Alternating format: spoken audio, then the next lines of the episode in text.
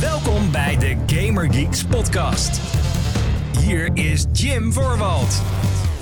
Hallo mede Gaming Geeks, wat leuk dat je luistert naar de Gaming Geeks podcast, de talkshow van GamingGeeks.nl, waarin ik en een mede geek je graag bijpraten over alles wat er gaande is in en rondom de gamingindustrie. Ik ben Jim en tegenover mij, hij, zit geen, uh, hij heeft geen break, hij neemt geen break, het is Johan Craig. Hallo. Yo, yo, yo, yo, yo. Yo, yo. Hè, hè? Zo, daar zijn we weer. Ja, inderdaad. Eventjes geleden, inderdaad. Uh, datum van opname is 30 mei 2021. Jeetje, Mina. Zit gewoon alweer bijna op de helft. Door de midden. Yep. Yep. Dit is aflevering nummer 168 van uh, de Gaming Geeks podcast. Waarin we dus praten over het laatste gaming nieuws. Wat we hebben gespeeld. En uh, vooral onze scherpe mening en analyse vind je hier. Naast natuurlijk al onze andere videocontent die je kan vinden op gaminggeeks.nl. Um, wil je abonneren op deze podcast? Dat kan natuurlijk. Dat kan via ons YouTube-kanaal. Dat is de videoversie. YouTube.com slash GamingGeeksNL. Of natuurlijk via je favoriete podcastdienst. Zoals Google Podcast, Apple Podcast en Spotify. Goed. Um, nou, moet ik meteen maar even de elephant in the room ook bespreken. De, de reden van een lange afwezigheid. Ja, dat, dat is aan jou natuurlijk, uh, Jim. Ja, nou ja, dat doe ik ook wel. Um, kijk, hoe lang is het geleden sinds we de vorige podcast hebben gedaan? Lang. Um, Geen idee. Meer, meer, dan een maand, dat op zijn minst. Anderhalve maand of zo? Ja, zoiets. Um, ja, de reden waarom is... Uh, ja, ik wou dat, het, dat, dat ik kon zeggen dat het simpel was, maar... Um, ja, mijn moeder is uh, vorige maand onverwachts plotseling overleden. Ja, dat, dat doet natuurlijk uh, wat met je. En je kon niet echt de energie, dan wel de motivatie vinden om dan uh, vrolijk over videogames te gaan zitten praten. Um, hoe graag ik dat ook doe. Ik moet ook wel zeggen dat het uh, ook alweer als een opluchting nu voelt om uh, weer te doen. Maar uh, daar moest ik even mijn tijd voor nemen. En um, ja, het, het, is, het is nogal. Wat, moet je er ook op zeggen? Dat is ook zo raar van deze, deze hele situatie. Als iemand aan je vraagt hoe gaat het met je, dan is het. Ja, soms zijn er dagen dat ik me gewoon oprecht goed voel. En dan ga je je bijna schuldig voelen dat je je goed voelt. Het is heel, heel gek om, uh, om, om dat allemaal te omschrijven. Um, en er zijn natuurlijk ook gewoon dagen dat het uh, totaal niet goed gaat. En dat ik uh, letterlijk kapot ben van verdriet. En dat ik eigenlijk gewoon alleen maar in mijn bed wil liggen en alleen maar wil liggen janken. Ja, dat is gewoon de, dat is de realiteit bij dat soort dingen. Maar hopelijk begrijp je, als je dit hoort, waarom er dus een tijdje even geen podcast is geweest. Want nou, mijn hoofd stond er niet echt naar. Lijkt me niet, niet meer dan logisch ja. uh, als, uh, als mensen dit horen, dat ze, dat ze dat wel begrijpen. Ja. Ja, nou, ja. Dat, dat hoop ik, ja. En het is, uh, daarom heb ik ook niet heel veel nieuwe games gespeeld ook of zo. de games die ik ook heb zitten spelen, maar daar komen we zo meteen natuurlijk op terug in de play. Oh, nou ja, ik heb wel één nieuw spel heb ik wel gespeeld, gaan we het zo meteen over hebben. Um, maar ik merkte ook heel erg dat ik um, ook ineens heel selectief was in wat ik ging spelen. Als we het dan toch over games hebben. Uh, je bent ja, ik kan me voorstellen dat je misschien niet zin hebt in een soort van doom en gloom-achtig ding, maar dat je juist nee. de, de, de, de leuke en kleurrijke dingen misschien gaat opzoeken of zo. Nou ja, laat ik het zo zeggen. De, de humor wellicht. Je moet niet The Last of Us gaan opstarten in, in zo'n nee, periode. Nee, exact. Dat, nee, maar dat ja, is, uh, op zich... Er zijn, er zijn heel veel mensen die, zich, die niet in zo'n situatie zitten en die al zeggen... Nou, ik heb echt geen zin in de Last of Us, want uh, probeer je met depressie aan te praten of zo. Ja, exact. Dat, uh, dat is wel een beetje wat die games natuurlijk doen, maar... Um, ja, ik heb wel bijvoorbeeld, en dat doe ik dan even buiten het officiële gedeelte, de playlist zometeen. Um, maar ik heb wel heel veel Call of Duty Zombies zitten spelen bijvoorbeeld, omdat het gewoon... En dat is... Ja, maar dat is gewoon mindless, toch? Ja, het is brain, brain dead, letterlijk, want zombies, haha. Ja. Um, maar ja, het is inderdaad gewoon, oh, ik doe een paar challenges die dan bij een season horen. En ik ben gewoon lekker een beetje zombies aan het knallen, een beetje dat. Um, maar ja, ja het, is, het is inderdaad... Uh, het was aan de ene kant was het ook heel um, fijn om... Hè, heel, heel, veel mensen omschrijven videogames als een uh, escapism. Hè? Om, mm -hmm. om, om even weg te gaan van alles. En dat... Ik kan nu uit ervaring spreken dat dat inderdaad wel echt gewoon soms helpt. Um, mits je natuurlijk de juiste titels opzoekt en mits je daar überhaupt voor in de stemming bent. Um, Uiteraard. Ja, ja. Dat. Uh, hmm. Ja, dus het is, uh, het, is, het is gewoon heel. Het is heel al, alles is raar ineens. Alles is raar. Ik. Um, ja, ik weet ook niet verder ook wat ik er nog over kan zeggen in deze podcast dan specifiek. Maar um, weet in ieder geval dat het niet heeft gelegen aan dat ik geen plezier heb in het maken van deze show. Weet niet dat het ligt omdat ik. Um, Hè, omdat iets in mijn lichaam kapot was of wat dan ook. Nee, um, verdriet, en verlies. En ehm, proberen de draad weer op te pakken. Dat is wat ik nu aan het doen ben. Dus, eh, Ja. En ik ben blij dat jij er ook weer bij bent, Johan. Dat meen ik dan ook oprecht. Dat er... eh, dat dan de support, dat moet ik er ook even bij zeggen, dat dan de support ook wel echt van allerlei kanten afkomt. Eh, zowel natuurlijk privé, maar ook online heb ik ontzettend veel berichten gekregen op plekken waar ik heb aangegeven wat er is gebeurd. Ehm, ja, dat, dat, dat vind ik dan ook fijn. Heel dat, dat, eh, dat, dat dat een ding is. En dat we daar eh, in die zin over kunnen praten. Dus het is, het, is, eh, het is fijn om terug te zijn, laat ik het zo zeggen. Dat is een beetje de. lang, dit was de lange versie van dat. dat dus. Goed. Hebben we nog andere huishoudelijke mededelingen? Niet echt. Nee, ja, zoals altijd, abonneer, steun ons, zo, in hoeverre dat kan. Ik krijg ook best wel veel de vraag, ook op de Gaming Geeks Discord. Eh, we hebben een eigen Discord-server. Mocht je die willen joinen, stuur even een berichtje via podcast.gaminggeeks.nl, mailadres. Eh, dan stuur ik je even een invite-link. Maar eh, we krijgen ook wel eens vragen over eh, wat gaan we doen met E3. Over de E3 gaan we het ook weer hebben in deze show. Goeie vraag. Ja, Goeie vraag. hele Ja. goede vraag. Dus eh, stay tuned. De playlist. Maar eerst dan die playlist. Wat hebben we allemaal gespeeld? Nou ik, ik ben al een beetje begonnen, dus zal ik nog een beetje daarop doorgaan. Ik denk dat dat handig is. Ja, eh, eh, steekt van wal. Zeker. Eh, een game die mij eh, heel erg heeft eh, geholpen in deze perioden ehm, is Ratchet Clank op de PlayStation 4, of moet ik zeggen de PlayStation 5.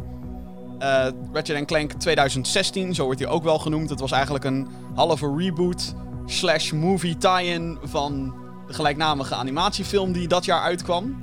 Natuurlijk gemaakt door Insomniac Games, de makers van onder andere Spider- Spider-Man en eh, Ratchet Clank. En ehm ja, ik weet, ik weet niet of jij. eh, ehm, had je, jij had die toen de tijd toch ook gespeeld? Sowieso. Ja, ja, zeker, zeker. Ja, het is een. eh, nou, eh, als je Ratchet Clank kent, dan weet je natuurlijk wat het is. Maar dat is een, een, een, third-person schieten, platformen. Het is super vrolijk, het is super leuk. Maar een van de redenen waarom ik het wilde spelen, niet alleen maar omdat het vrolijk was en eventjes geen. ehm, en inderdaad, wat jij al omschreef, niet de doom en gloom die, eh, die eh, bij sommige games zit.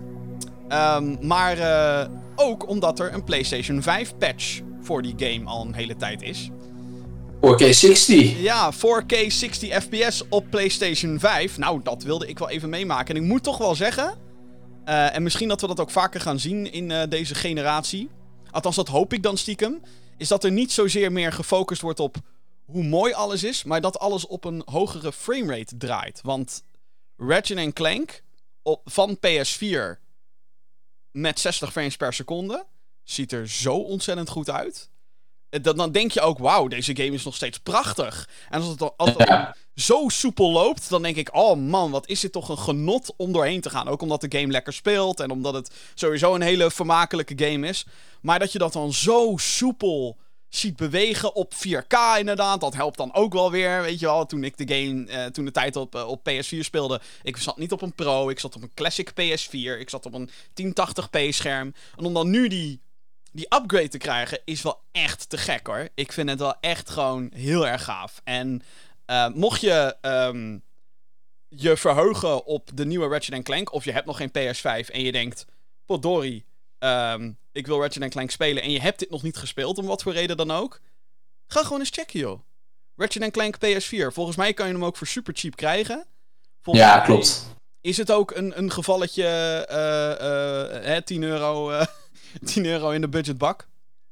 Als hij al niet binnenkort in een PlayStation Plus. eh, Maar hij is al gratis geweest, hè? Hij was onderdeel van het eh, Play at Home initiatief van, eh, van PlayStation. Oh, Twee oh. maanden geleden of zo. Oh, nou ja, dan. dan Dus mensen hebben hem in principe al kunnen claimen. ja, oké. Eh, dus als je dat niet hebt gedaan, je bent een sukkel. Eh, ja, dan moet je nu 10, 15 euro lappen om hem alsnog te kunnen spelen. Nou ja, eh, is het sowieso meer dan waard. Ook op PS4 trouwens. Absoluut, Waar, ja. die, waar die nog op. gewoon op 30 frames. Oh, peasant. Nee, maar ook nog steeds de moeite waard. Maar zo'n leuk spel. Gewoon zo fijn om te spelen. En eh, hierdoor heb ik echt zin in Rift Apart. De nieuwe game die alleen op PS5 verschijnt op 11 juni. Dus dat is op Yes. opnemen is dat nog niet eens twee weken eh, weg. Eh, voor mij dus ook... Dat komt zelden voor, dat ik me voorneem om een vorig deel te gaan spelen... en dat ik het dan daadwerkelijk haal. dat komt niet vaak voor, maar nu is het gelukt. En ik heb nu nog meer zin in de nieuwe. Want die, die nieuwe ziet er ook weer fantastisch uit. En Insomniac is toch wel een beetje de, de, de nieuwe grote reliable studio voor PlayStation en Sony, denk ik. Het is een hele goede aankoop uh, geweest, ja. Ja, want met Ratchet Clank en Spider-Man hebben ze echt gewoon twee grote hits. En dan, het team is volgens mij dusdanig groot dat ze er makkelijk nog een project ja. bij kunnen uh, doen. Ja. Uh, en of dat dan een VR, want dat zou ook heel interessant zijn. Insomniac heeft zich ook een tijdje verdiept in VR-games in samenwerking met Oculus voordat ze overgekocht werden door PlayStation. Ja, klopt inderdaad. Dus als Insomniac zich vol, vol focust op een VR-game voor PSVR 2, werktitel, dan zou dat toch ook wel heel interessant zijn. En er is natuurlijk nog altijd de kans dat uh, bijvoorbeeld een Sunset Overdrive nog gepoord gaat worden. Volgens mij waren daar ook weer. Die komt er wel aan. Ja, die komt er wel aan. Het IP is van hun. Dus uh, ik bedoel, dat, uh, dat kunnen ze gewoon doen. En ik, ik denk ook niet dat, dat Sony zoiets heeft van. Nou, laten we dat niet doen. Ik bedoel, als je kijkt naar het track record nu van Insomniac. Sinds het van Sony is. Ja. zij zijn heel belangrijk voor PlayStation op dit moment. Als je alleen al kijkt naar de output voor PS5 nu, zeg maar. Hè. Ze hebben natuurlijk Spider-Man Remastered hebben ze uitgebracht, de 2018 versie. Spider-Man Miles Morales. Ratchet komt er natuurlijk aan. En ze hebben ook nog eens die Ratchet 60 frames per seconde patch uitgebracht. Ja. Dus ze hebben al heel veel content gebracht voor een console die echt, nou net, wat is het? 5, 6 maanden uit is. Ja, ja. Ja, nee, het, het is. Uh, Insomniac is uh, de nieuwe MVP, denk ik. Van, dat denk ik ook. Voor Sony. Ja. dan een game die we beide gespeeld hebben en die new-ish is. Nou ja, inmiddels een week uit ja. of zo, iets langer dan een week. Knockout City. Dit is een game waar ik het wel al eerder over heb gehad in de podcast. Toen, toen de tijd was de er een, een crossplay beta. En ik was toen verrast, aangenaam verrast, dat was hem. want ik dacht, dat gaat toch niks worden. Het is eigenlijk een Fortnite trefbal game. Dat is de makkelijkste manier om het te omschrijven. Trefbal, ja, Fortnite stilo, met gliders en al. Um, maar ik was aangenaam verrast. En nu is de game uit. op PS4, Xbox One, Switch, PC. Ja. Ja, Johan, brand los. Wat vind jij van Knockout? Hij is trouwens ook 10 dagen gratis speelbaar geweest. Maar de kans is heel groot dat op het moment dat jij deze podcast hoort dat die tien dagen voorbij zijn. Volgens mij zitten we nu nou, in de... Nou, ik kan, ik kan daar wel iets aan toevoegen. Oh. Uh, dat is een tweet die ik toevallig uh, net voorbij is gekomen voordat we gingen opnemen. Oh. Je kan hem nog steeds gratis spelen tot en met level 25. Daarna moet je upgraden naar een uh, betaalde versie. Oh. Dus dat was inderdaad eerst 10 dagen, maar blijkbaar hebben ze bij EA gedacht van we willen nog meer mensen of zo verslingerd laten raken aan die game. Ja. Uh, en nu kun je dus spelen tot en met rank 25. Uh, um, of level 25. Ranks zijn weer een ander ding. Level 25. En uh, ja, daarna kun je besluiten of je hem wel of niet wil kopen. Hmm, interessant. Ja, dus, nou ja ik, ik bedoel, jij zei het al. Ik heb toen ook die cross beta gespeeld. Die vond ik echt fucking leuk. ik weet nog ook dat ik, die, dat ik voor het eerst die trailer zag. Volgens mij was het tijdens een Nintendo presentatie. En toen Klopt, dacht ja. ik, oké. Okay, Volgens mij is dit heel leuk. Ja. En toen kwam uh, vrij kort daarna kwam al die, die beta kwam vrij, zeg maar, die je kon spelen. En toen heb ik het gespeeld, toen dacht ik, ja, vet. Ja, en nu is hij uit. En ja, ik bedoel, het is gewoon echt een heel leuk spelletje. Hoe jij het hebt omschreven, is in de, in de basis is het gewoon trefbal. Hè? Je moet mensen afgooien, je kan de bal vangen. Uh, maar ja, het moet natuurlijk, het is een game, dus het moet ook wel een beetje gaming zijn. Dus je hebt allemaal verschillende ballen waarmee je kan gooien. Je hebt gewoon een standaardbal, nou die kun je gooien, ja, leuk. Je hebt een soort van sniperbal, dat is een rugbybal. En als je die lang genoeg, uh, als je die knop lang genoeg uh, um, ingedrukt houdt, dan kun je iemand echt sniperen met die bal. Uh, je hebt een, een moonbal, daardoor kun je spelen met, met gravity, kun je hoger springen. Ja, er zit gewoon heel veel variatie in, in, ja, in, in de mechanics. Het is eigenlijk weer zo'n game, zeg maar, easy to play, hard to master. Want hè, bijvoorbeeld het vangen, dat, dat, dat vergt wel wat oefening, zeg maar.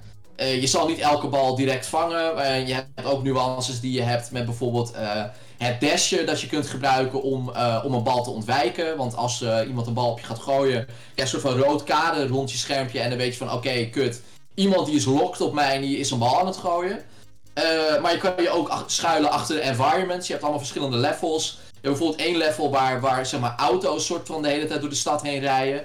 Stel nou dat iemand je heeft getarget met een bal en jij komt zeg maar net, jij slide achter zo'n auto, dan kan het zeg maar zomaar zijn dat je niet geraakt wordt. Uh, ja, dus er zit gewoon best wel veel in. Uh, in een spel dat eigenlijk zeg maar heel snel omschreven kan worden. Er zit eigenlijk best wel wat diepgang. Uh, ja, en ik vind, het, ik vind het echt heel leuk. Ja, ja ik vind het ook in die zin wel echt te gek. Ik moet wel zeggen dat um, ik twee dingen niet echt snap dan wel goed vind. En het eerste is wel dat ik denk dat de game een slechte netcode heeft. Dus slechte online synchronisatie, om het maar even zo te zeggen. Alleen maar errors elke keer linksboven in mijn scherm. Allemaal ja. network errors, maar ja, ik kan nou, dat spelen. heb ik dus inderdaad ook een paar keer gehad. Uh, ik heb zelfs één match gehad dat het echt gewoon, dat iedereen uh, ja, aan het glitchen was. Weet je, dat je echt denkt, hallo, uh, eh, 2005 belden, ze wilden hun free-to-play multiplayer lobby's terug. Holy shit. het is echt gewoon dat je denkt, holy shit, het is gewoon, what the fuck. Ja. Maar ook gewoon met, want je had het al over vangen en dat soort dingen. Ja, dat soort, dat vereist goede timing. En ik heb mm -hmm. gewoon letterlijk in mijn beeld gehad dat mijn dude of eentje van mijn teammate de vanganimatie deed. Hè, dat hij begint met de vanganimatie. Dat je denkt, oh ja, die gaat hem vangen. Yeah. En dat je ook denkt, ik druk op mijn knop. Hè, op het moment dat die bal aankomt. Mm -hmm. En dan soms dan is het gewoon, nee hoor, je wordt gewoon geraakt. En denk ik, ja maar yeah. bros, wat the, fuck, what the fuck is dit? En dat zijn wel echt de grote rage momenten die in deze game komen. Dat, het, dat, dat je soms echt gewoon het idee hebt van het werkt niet. En, en dat breekt de game natuurlijk ook meteen. Ja, dat is wel echt niet, iets... zeg maar, En als dat niet snel gefixt wordt, dan kan dat natuurlijk ook een reden zijn voor mensen om te zeggen van, hé, uh, hey, toedeledokie. Ja.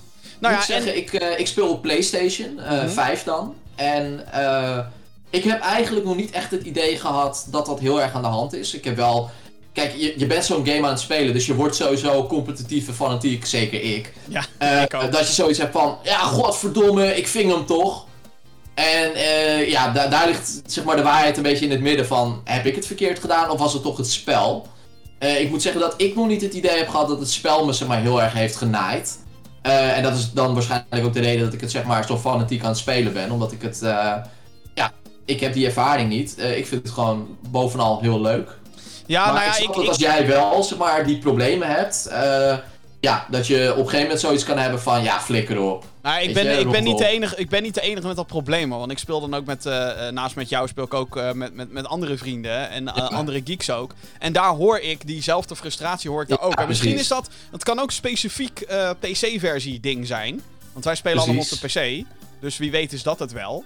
Ehm maar ja, dat, dat, daar denk ik wel van, hmm, misschien is dat een dingetje, sowieso een ding om naar te kijken. Want het, is, Ja. eh, het voelt vaak daardoor oneerlijk. En inderdaad, dan nemen we zo'n trefbalspelletje nemen we dan waarschijnlijk veel te serieus. Nee. Ehm, nee, je bent gek. Maar het is wel alsnog, het is alsnog heel erg eh, eh, leuk. En het is ehm, gewoon, het, het wer- als het zeg maar echt werkt, als je ook gewoon het idee hebt dat, dat de controls meewerken en dat soort dingen, als die frustratie er niet is, dan Ja. is het te gek. Dan is het gewoon zo'n tof kat-en-muisspel soms ook. En eh, hè, je had het inderdaad over hoe, hoe je ballen kan gooien. Je kan ze zijwaarts gooien op een lob. Je kan een fake throw Ja, doen. Dus ja. dat je dan ook een beetje gaat klooien met die spelers. En het is... ehm, ja, wat dat betreft is het heel erg tof. Het enige waar ik me heel erg druk om maak, of zorgen om maak eerder, is de playerbase. En niet dat die nu niet goed gaat. Ik weet dat het account van Knockout City ook al gemeld had eh, van... Hé, we hebben al meer dan 2 miljoen spelers gehad. Dan denk ik, Ja, ja, ja, die beta is ook heel goed bezocht. ja, dan denk ik ook, ja, maar de, de eerste 10 dagen waren, Gratis, ja. ja, waren gratis. En je, ehm, eh, nou ja, nu, nu dan tot rank 25, eh, level 25 kan je gratis spelen. En het is ook nog eens eh, op Xbox Game Pass. Dat zal ook ongetwijfeld helpen. En het is crossplay Ja. trouwens, dus alle versies kunnen met elkaar Ja. spelen. Thank you, wijze beslissing. Maar ik snap niet waarom deze game niet sowieso free-to-play is.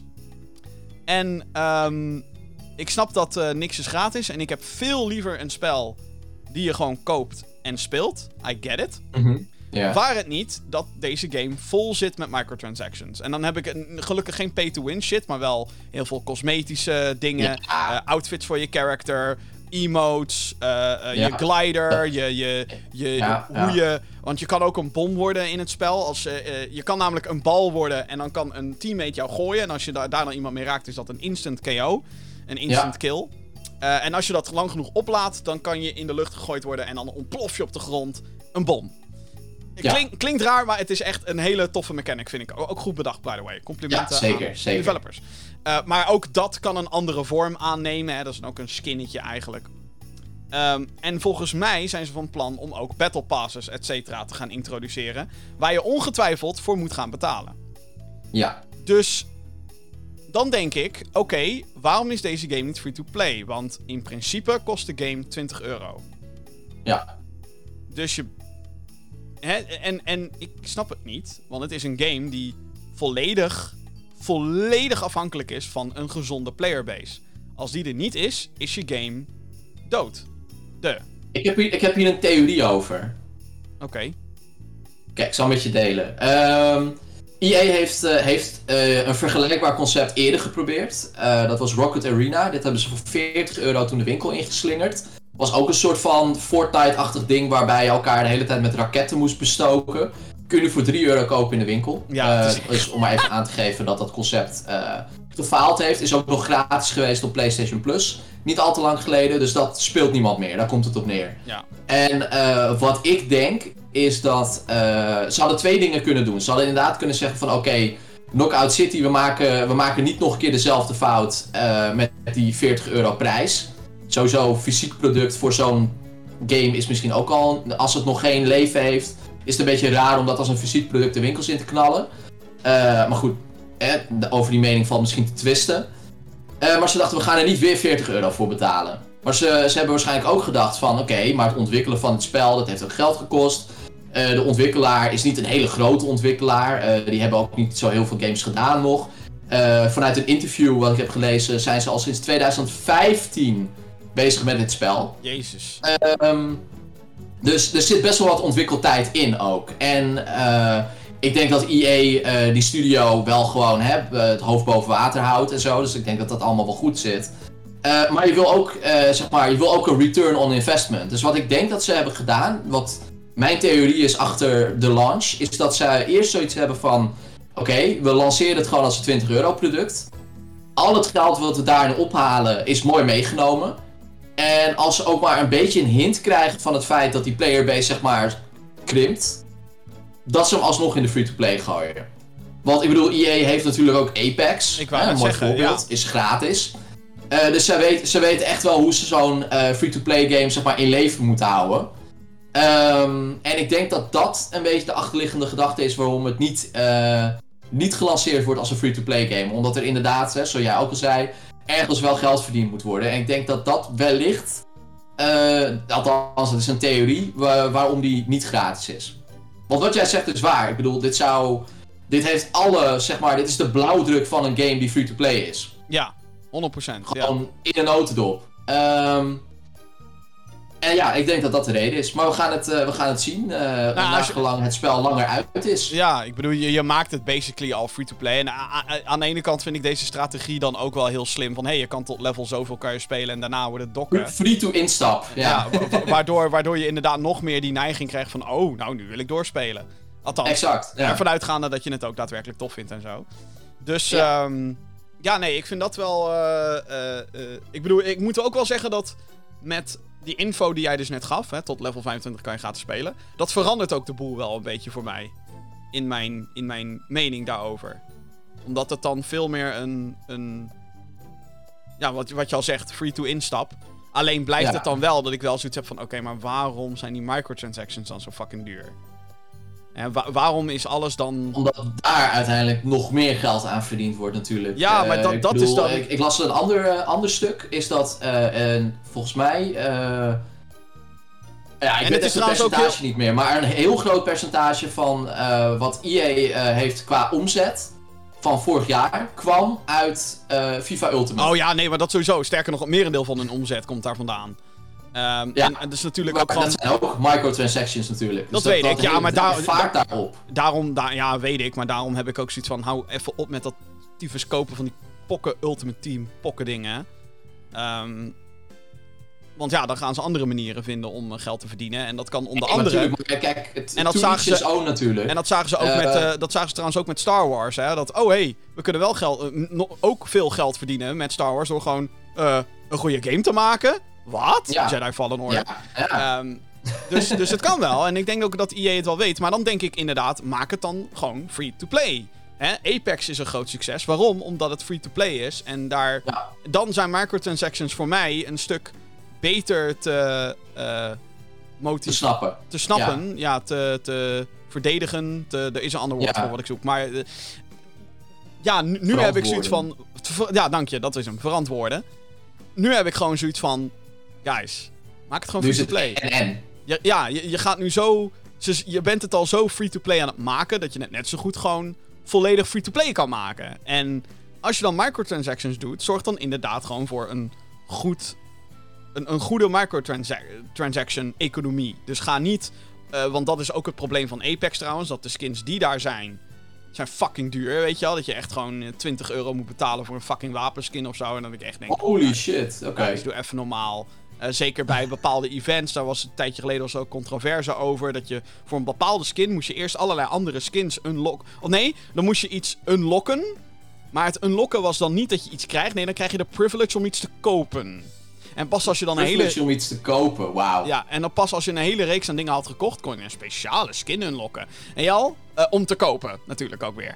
En dan denk Ja. ik, guys, eh, ten eerste, Ja. Lompe strategie. Maar goed, die game is free-to-play, dus je kan gewoon die game spelen zonder dat je daarmee geconfronteerd wordt.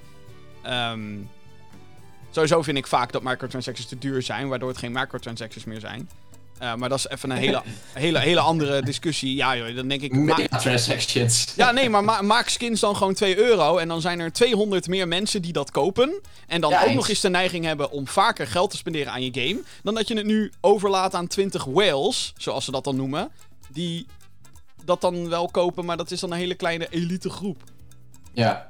Maar goed, whatever. Dat is een aparte discussie. Maar ik heb gewoon zoiets van, ja, ik word straks geconfronteerd met...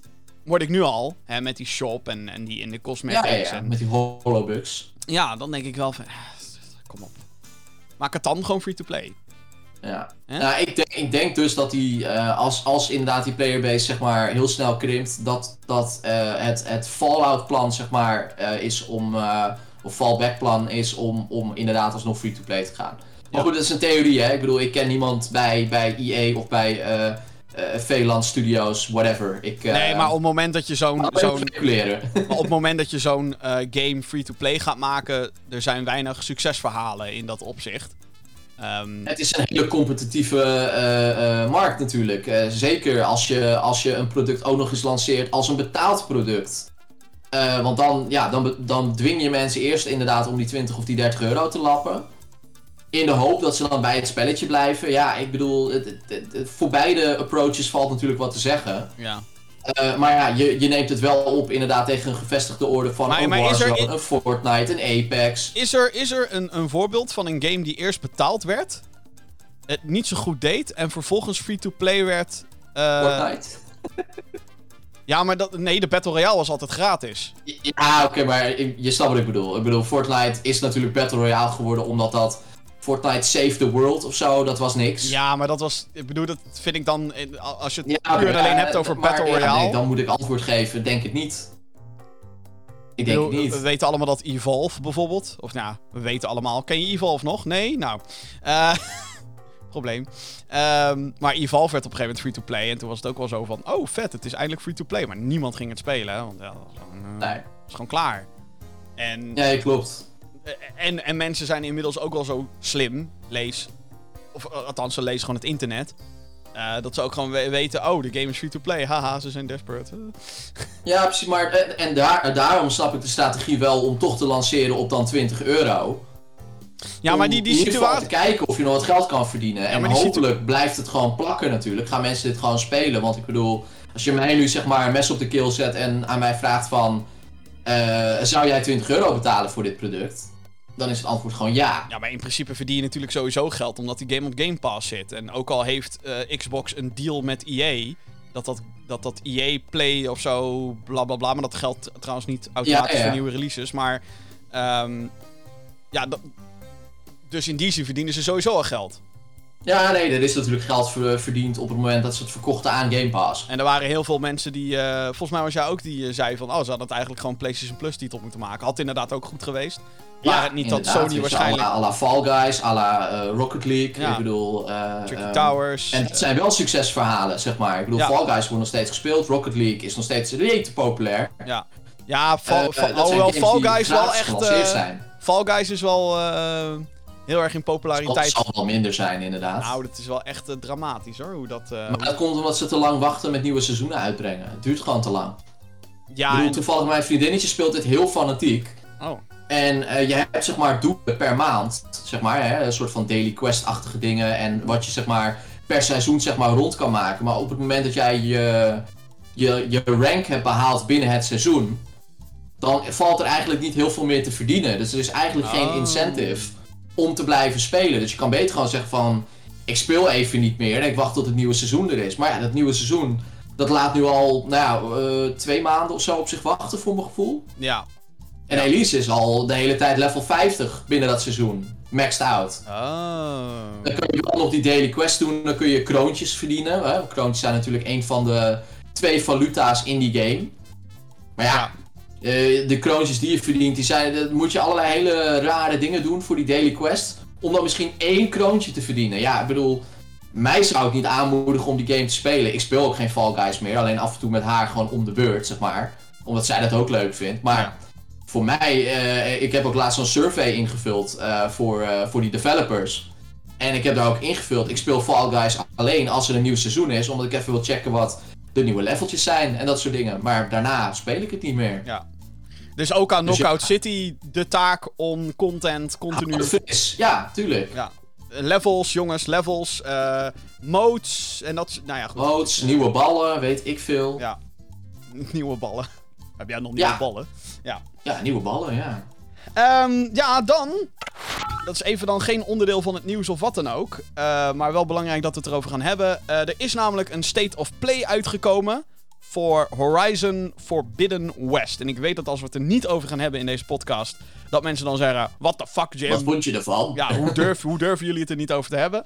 Dus bij deze, we gaan het hebben over Horizon Forbidden West. Eh, PlayStation 5 en 4 exclusive, die nog ergens dit jaar moet verschijnen. De reden dus waarom het niet in het nieuws is. Ja. Ja, oké, er is dus een State of Play geweest. Lees een digitale presentatie waarin we voor het eerst gameplay hebben gezien. En ik ga het niet, niet in het nieuws meenemen, want eigenlijk was er geen nieuws. Er was geen release datum, er was geen gekke eh, eh, onthulling die wat mij betreft nieuwswaardig is, behalve voor de fans van de game. Dus bij deze even, voordat we naar het nieuwssegment van deze show gaan, gaan we het dus even over die State of Play hebben. Johan, wat vond jij van de gameplay reveal van Horizon Forbidden West? Wat vond Ja, ik, eh, ik ben er wel aan. Ik bedoel, ik vond eh, de originele Horizon eh, vond ik vet. Was natuurlijk wel een beetje een, een samenraapsel van ander soort open world games. En daarom heb ik hem de eerste keer niet volledig uitgespeeld. Maar toen ik er opnieuw weer instapte, toen kon ik wel echt waarderen wat Horizon was. Ja, En als ik dan nu zeg maar zag wat ze hebben toegevoegd aan zeg maar de gameplay. Bijvoorbeeld het, eh, dat klimmen eh, en eh, die soort van grappling hoek die je hebt. Ja, de grappling. de- de- Er zijn eigenlijk drie nieuwe gameplay features die we hebben gezien: de grappling hook, een glider à la Breath of the Wild en ehm, zwemmen. Onder water. Zwemmen is, is inderdaad veel, veel prominenter inderdaad. Sowieso ziet het water er fucking mooi uit, hè. Holy Ja. fuck. Ja, en voor degene die trouwens niet weet, weet je niet wat Horizon Zero Dawn, dat was de eerste game eh, op PS4 en inmiddels ook PC. Te gekke open world game gemaakt door Nederlandse Guerrilla Games. eh, Hollands trots. eh, geweldige game is dat. Open world, waarin ehm, de wereld naar de kloot is gegaan en inmiddels, ook weer is opnieuw volgroeid. Maar waar er dus mysterieuze dino-robots rondlopen. En als je de eerste game speelt, weet je waar ze vandaan komen. Ik ga niet spoilen hoe de fuck dat allemaal is, maar dat is echt te gek. En ehm, dat, dat is ook wel trouwens het grappige van Horizon Zero Dawn. Hoe verder je komt in die game, hoe toffer het verhaal wordt. Ja, is waar. Ja, je ontdekt steeds meer. En eh, het, het, het is eigenlijk een puzzel die zeg maar compleet wordt. Ja, echt te gek. Dus Je wordt ben- erin gegooid en je hebt zoiets van, "Wuh, oké. En aan het einde snap je het. En er komt dus een vervolg. Die komt, eh, nou, wat ik al zei, dit jaar naar PS4 en PS5. Eh, en, en gameplay. Ehm, ja, wat ik ervan vond. Ik, eh, het hele internet is, merk ik, eh, PlayStation fanboy geworden. En Als in niet kritisch. ja, dat het echt gewoon... Mensen noemen dit, oh, de mooiste game aller tijden. En Oh ja, dat heb ik gezien, ja. ja. I get it. Ik bedoel, ik, ik zeg niet dat het le- alles behalve. Holy shit. Eh, want deze game ziet er inderdaad. Het ziet er prachtig uit. Eh, de details kan je gewoon, als je gewoon intikt Horizon Forbidden West gameplay op Google, dan vind je het vanzelf. Als je eh, dit in de audio vorm luistert. Ehm, en het ziet er inderdaad prachtig uit. Het is echt gewoon de details in alle objecten en zo. Maar dat heeft ehm, ook gewoon te maken met dat de, de artists, het, het, het artist team, concept art team wat hierachter zit, heeft zijn werk uitmuntend gedaan. Yup. Eh, combineer dat met een goede engine en, eh, en eh, mensen die gewoon technisch heel goed weten wat ze aan het doen zijn. Eh, met eh, hele eh, goede trucjes om eh, bepaalde effecten, zeg maar, zichtbaar te maken. Ehm, en, dan, en dan kom je er wel. Ja, zeker. Het is natuurlijk nog wel steeds een PS4-game die geüpgrade is Ja. naar PS5. Ja. En eh, daarmee wil ik niet zeggen dat dit eruit ziet als. Want de gameplay die ze lieten zien was natuurlijk running on PlayStation 5. Dat zou natuurlijk Tuurlijk. dom zijn als ze dat niet zouden doen. En ik denk ook wel te weten welke effecten er aan en uitstaan op de PS5, zeg maar. Het is Ja. overduidelijk dat de PS5-versie eh, meer schaduwen zal hebben en meer Meer, lichteffecten. meer, minder plantjes. Ja, minder plantjes op PS4. De draw distance, dus eh, detail van wat je ziet hè, te- ten opzichte van hoe ver jij van een object bent. Dat soort dingen zullen allemaal teruggeschroefd worden op PS4. Maar dit zal er ook, denk ik, nog steeds heel goed uitzien op PS4. Ehm, en dat vind ik misschien nog wel het meest indrukwekkende. Dat, dat ik kan zien hoe dit er potentieel uit gaat zien op PS4. En dat ook dat de moeite waard gaat worden. Ja, Ehm. kijk, eh, ik, ik, ik wil daar wel, eh, want ik, ik snap wat je zegt. En eh, Horizon Zero Dawn op PS4 is echt een prachtige game. Eh, alleen ik heb wel zoiets, zeg maar, als ik dan zeg maar nu die PS5 gameplay heb zitten kijken. Mhm. En ik ben dan eh, nu nog bijvoorbeeld PS4 bezitter en ik wil wel de nieuwe Horizon spelen. Ja. Dan heb ik wel zoiets van, dan ben ik, dan ben ik eigenlijk, eh, ja, hoe zeg je dat? Toch, toch wel een mindere versie aan het spelen van, van de game zoals die bedoeld is, of zo. En eigenlijk ben je dat als PS5-bezitter natuurlijk ook, Maar, omdat die game nog teruggeschroefd moet kunnen worden naar PS4. maar hier is dus de grote clutch en eh, iets wat ik, ehm, wat heel veel mensen niet weten of niet begrijpen, is dat deze game al een hele tijd in ontwikkeling was voor PS4 specifiek. Dus Mhm. de PS5 is eerder een geüpgrade game ja. in plaats van dat het een PS5-game is, die vervolgens wordt teruggeëngineerd naar PS4. En ik denk dat dat een heel groot verschil is van hoe je zo'n game kan gaan benaderen. En hoe development benaderd wordt van zo'n spel. Ehm, Ja, want PS4 is dus de, is eigenlijk het streefplatform. En alles wat ze kunnen uppen voor PS5, dat uppen ze. ja, wat natuurlijk gewoon de, de- Je kan allerlei dingen kan je dan omhoog schroeven. Zoals framerate of zoals objecten in scherm. Zoals Ja. resolutie, dat soort. eh, en, en, en daar hebben ze al mee geëxperimenteerd. Namelijk de PC-versie van Horizon Zero, Zero Dawn.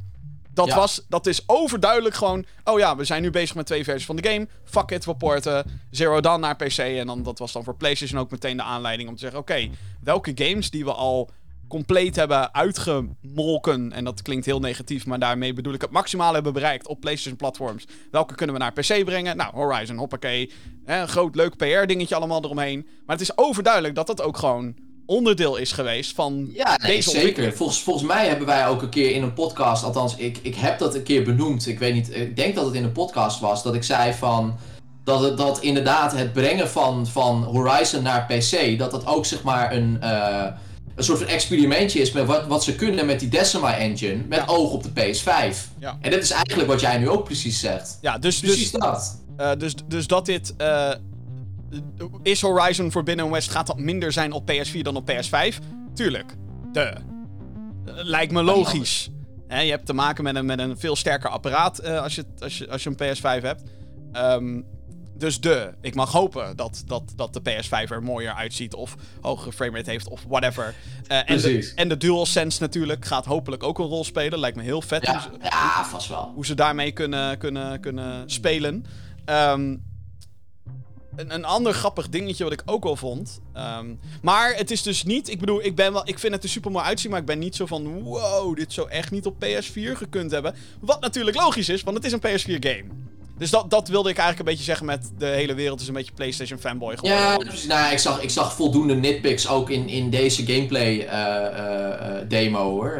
Nou ja, wat... wat gisteren ook even dat, dat Digital Foundry filmpje zitten kijken. En die zeiden eigenlijk ook bepaalde dingen die ik ook al zag in, in de gameplay video. Dat ik dacht van, dat is raar. Of dat is inderdaad een stilistische keuze. Dat ik dacht van, hmm, Hmm. oké. Ja, en eh, Ehm. ehm, wat ik ook wel grappig vind is dat heel veel mensen, denk ik nu, veel te hoge verwachtingen gaan scheppen over deze game. Eh, en daarmee wil ik overigens alsnog niet zeggen dat dit geen fantastische game wordt, want... En dit, dit is wat het gaat worden. Het wordt gewoon Horizon, Zero Dawn, met wat nieuwe gameplay mechanics. Maar Ja. dat is het, jongens. En ik heb nu het idee dat er heel veel mensen online die echt gewoon die cyberpunk hype dingen verwachten van deze game. Lees onrealistisch. Ja, waardoor ja. ik echt het idee heb dat er straks mensen. En ik zag ook al wat, wat negatieve reacties, zag ik al her en der voorbij komen hoor. Van die mensen. Oh, het is gewoon Horizon. Maar dan met een glider en een grappling hook. En dan denk ik. Ja, dat klopt, want het is een sequel, dat ten eerste. En ten tweede, Ja. wat is daar mis mee? Eigenlijk helemaal niks. Dat Nee, wil ik trouwens ook bij zeggen. Ik, ben, ik, ik neem een soort van kritische, cynische toon aan. Maar ik vind het fantastisch dit. Eh, sign me up, want het is gewoon meer van wat ik heel erg tof vind. Ehm, Exact. eh, maar ja, ga, ga dus niet verwachten dat dit ineens een of andere revolutie der, der games gaat worden. Want dat is het Nee, gewoon niet. natuurlijk niet. Nee, nee, nee, dat denk ik ook niet. Wat, wat, wat mij heel grappig lijkt, eh, is de vergelijking zometeen tussen Horizon Zero Dawn, PS4, Ja, en Horizon Forbidden West PS4. ja. Omdat, omdat deze, deze studio natuurlijk gewoon. Nou ja, die staat er onbekend dat ze binnen die engine gewoon best wel vette dingen kunnen doen. Als je kijkt naar eh Killzone Shadowfall, eh, hun eerste game voor PS4. Zo, dat zag er ook En wel wat ze goed uit hoor. da- daarna deden met diezelfde engine in Horizon, zeg maar het verschil al. eh, als je dan zeg maar straks twee Horizons naast elkaar hebt, die eigenlijk voor hetzelfde platform ontwikkeld zijn op twee compleet verschillende tijden. En wat daar dan zeg maar nog de, de, de verbeterpunten zijn, zeg maar. Kijk, PS4, PS5, ja, die kun je naast elkaar zetten, maar dat, dat, is al, hè, dat is al een beetje een gelopen race, dat snap je. Maar de twee verschillende PS4-versies naast elkaar, ja, ik ben wel benieuwd. Gewoon een soort van, hè, als academische studie. Gewoon om te zien van, wat kan zo'n studio, zeg maar, jaren later nog uit diezelfde engine halen. Nou, ik denk dus eigenlijk dat qua grafische kwaliteit gaat er denk ik gewoon niet heel veel verschil zitten tussen eh, Horizon Zero Dawn en Forbidden West op PS4. Ehm, en wat ik heel grappig vind, is dat ik ook reacties zag van... Hoe de fuck gaat dit draaien op PS4? Dat is onmogelijk. En dan denk ik... Bro, heb je Zero Dawn gespeeld op PS4? Ja, Want heel veel van wat hier gebeurt, gebeurt daar ook, namelijk.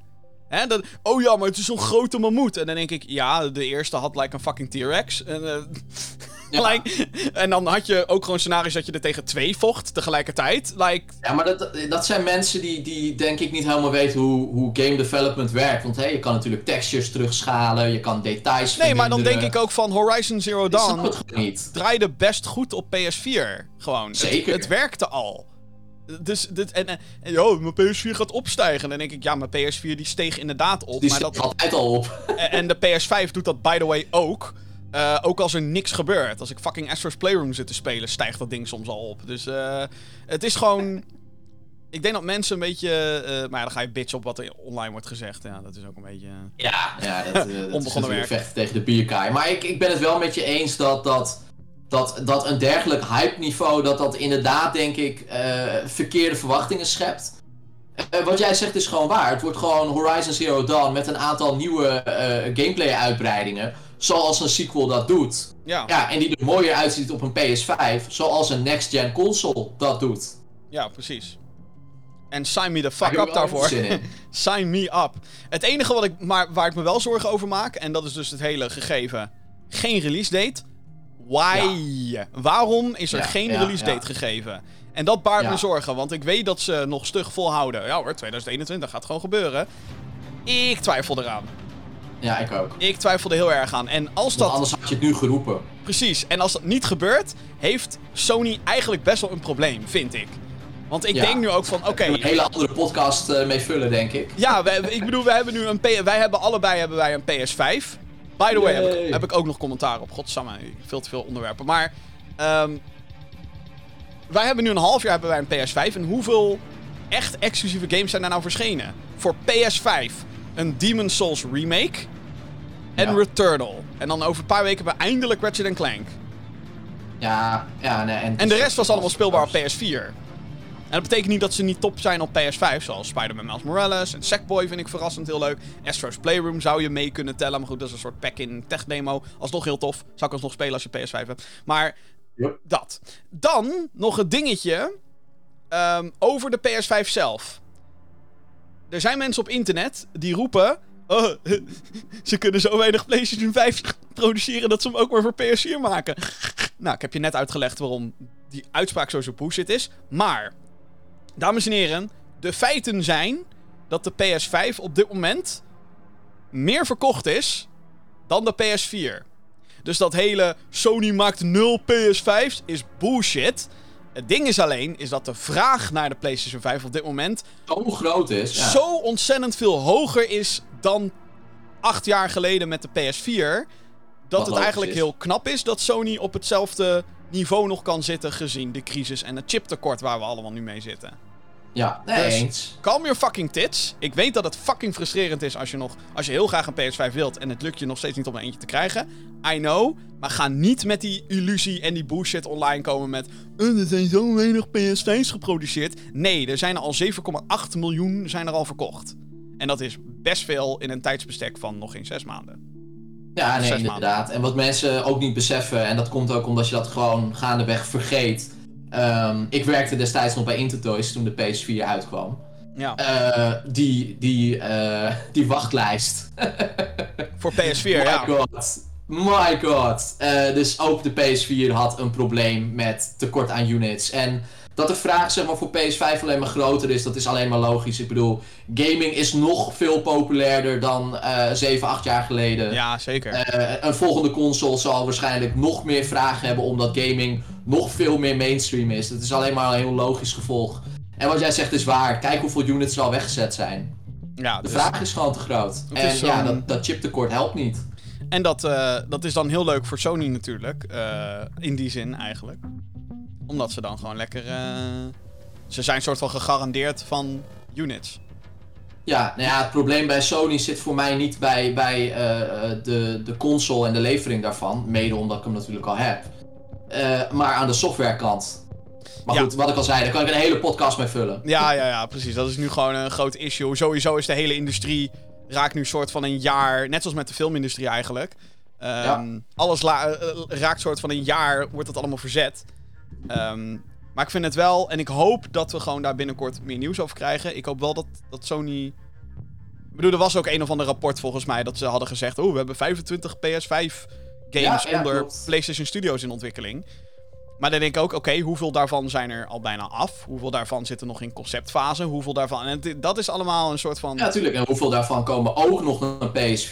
Eh, Dat ook. Hè? Is God of War Ragnarok, is dat, is dat een PS4-titel? Ik denk het wel. Ja, is, dat ook een Horizon eh, situatie? wink. Precies, ja, eens. Ja. Maar wat ik zeg, kan jij een hele podcast mee vullen. ja, precies. Dus laten we, laten we inderdaad snel. Laten we snel. Zometeen Ja, ja, in de ja. Gamer Geeks podcast. Oh man, Eh, veel, eh, nou ja, heel veel nieuws hebben we niet, maar dat zijn hele lange onderwerpen, dus komt, komt helemaal goed. Release data voor grote najaarstitels. We kunnen de kalender eindelijk een beetje in gaan vullen. Er zijn ook meer details rondom E3 bekend.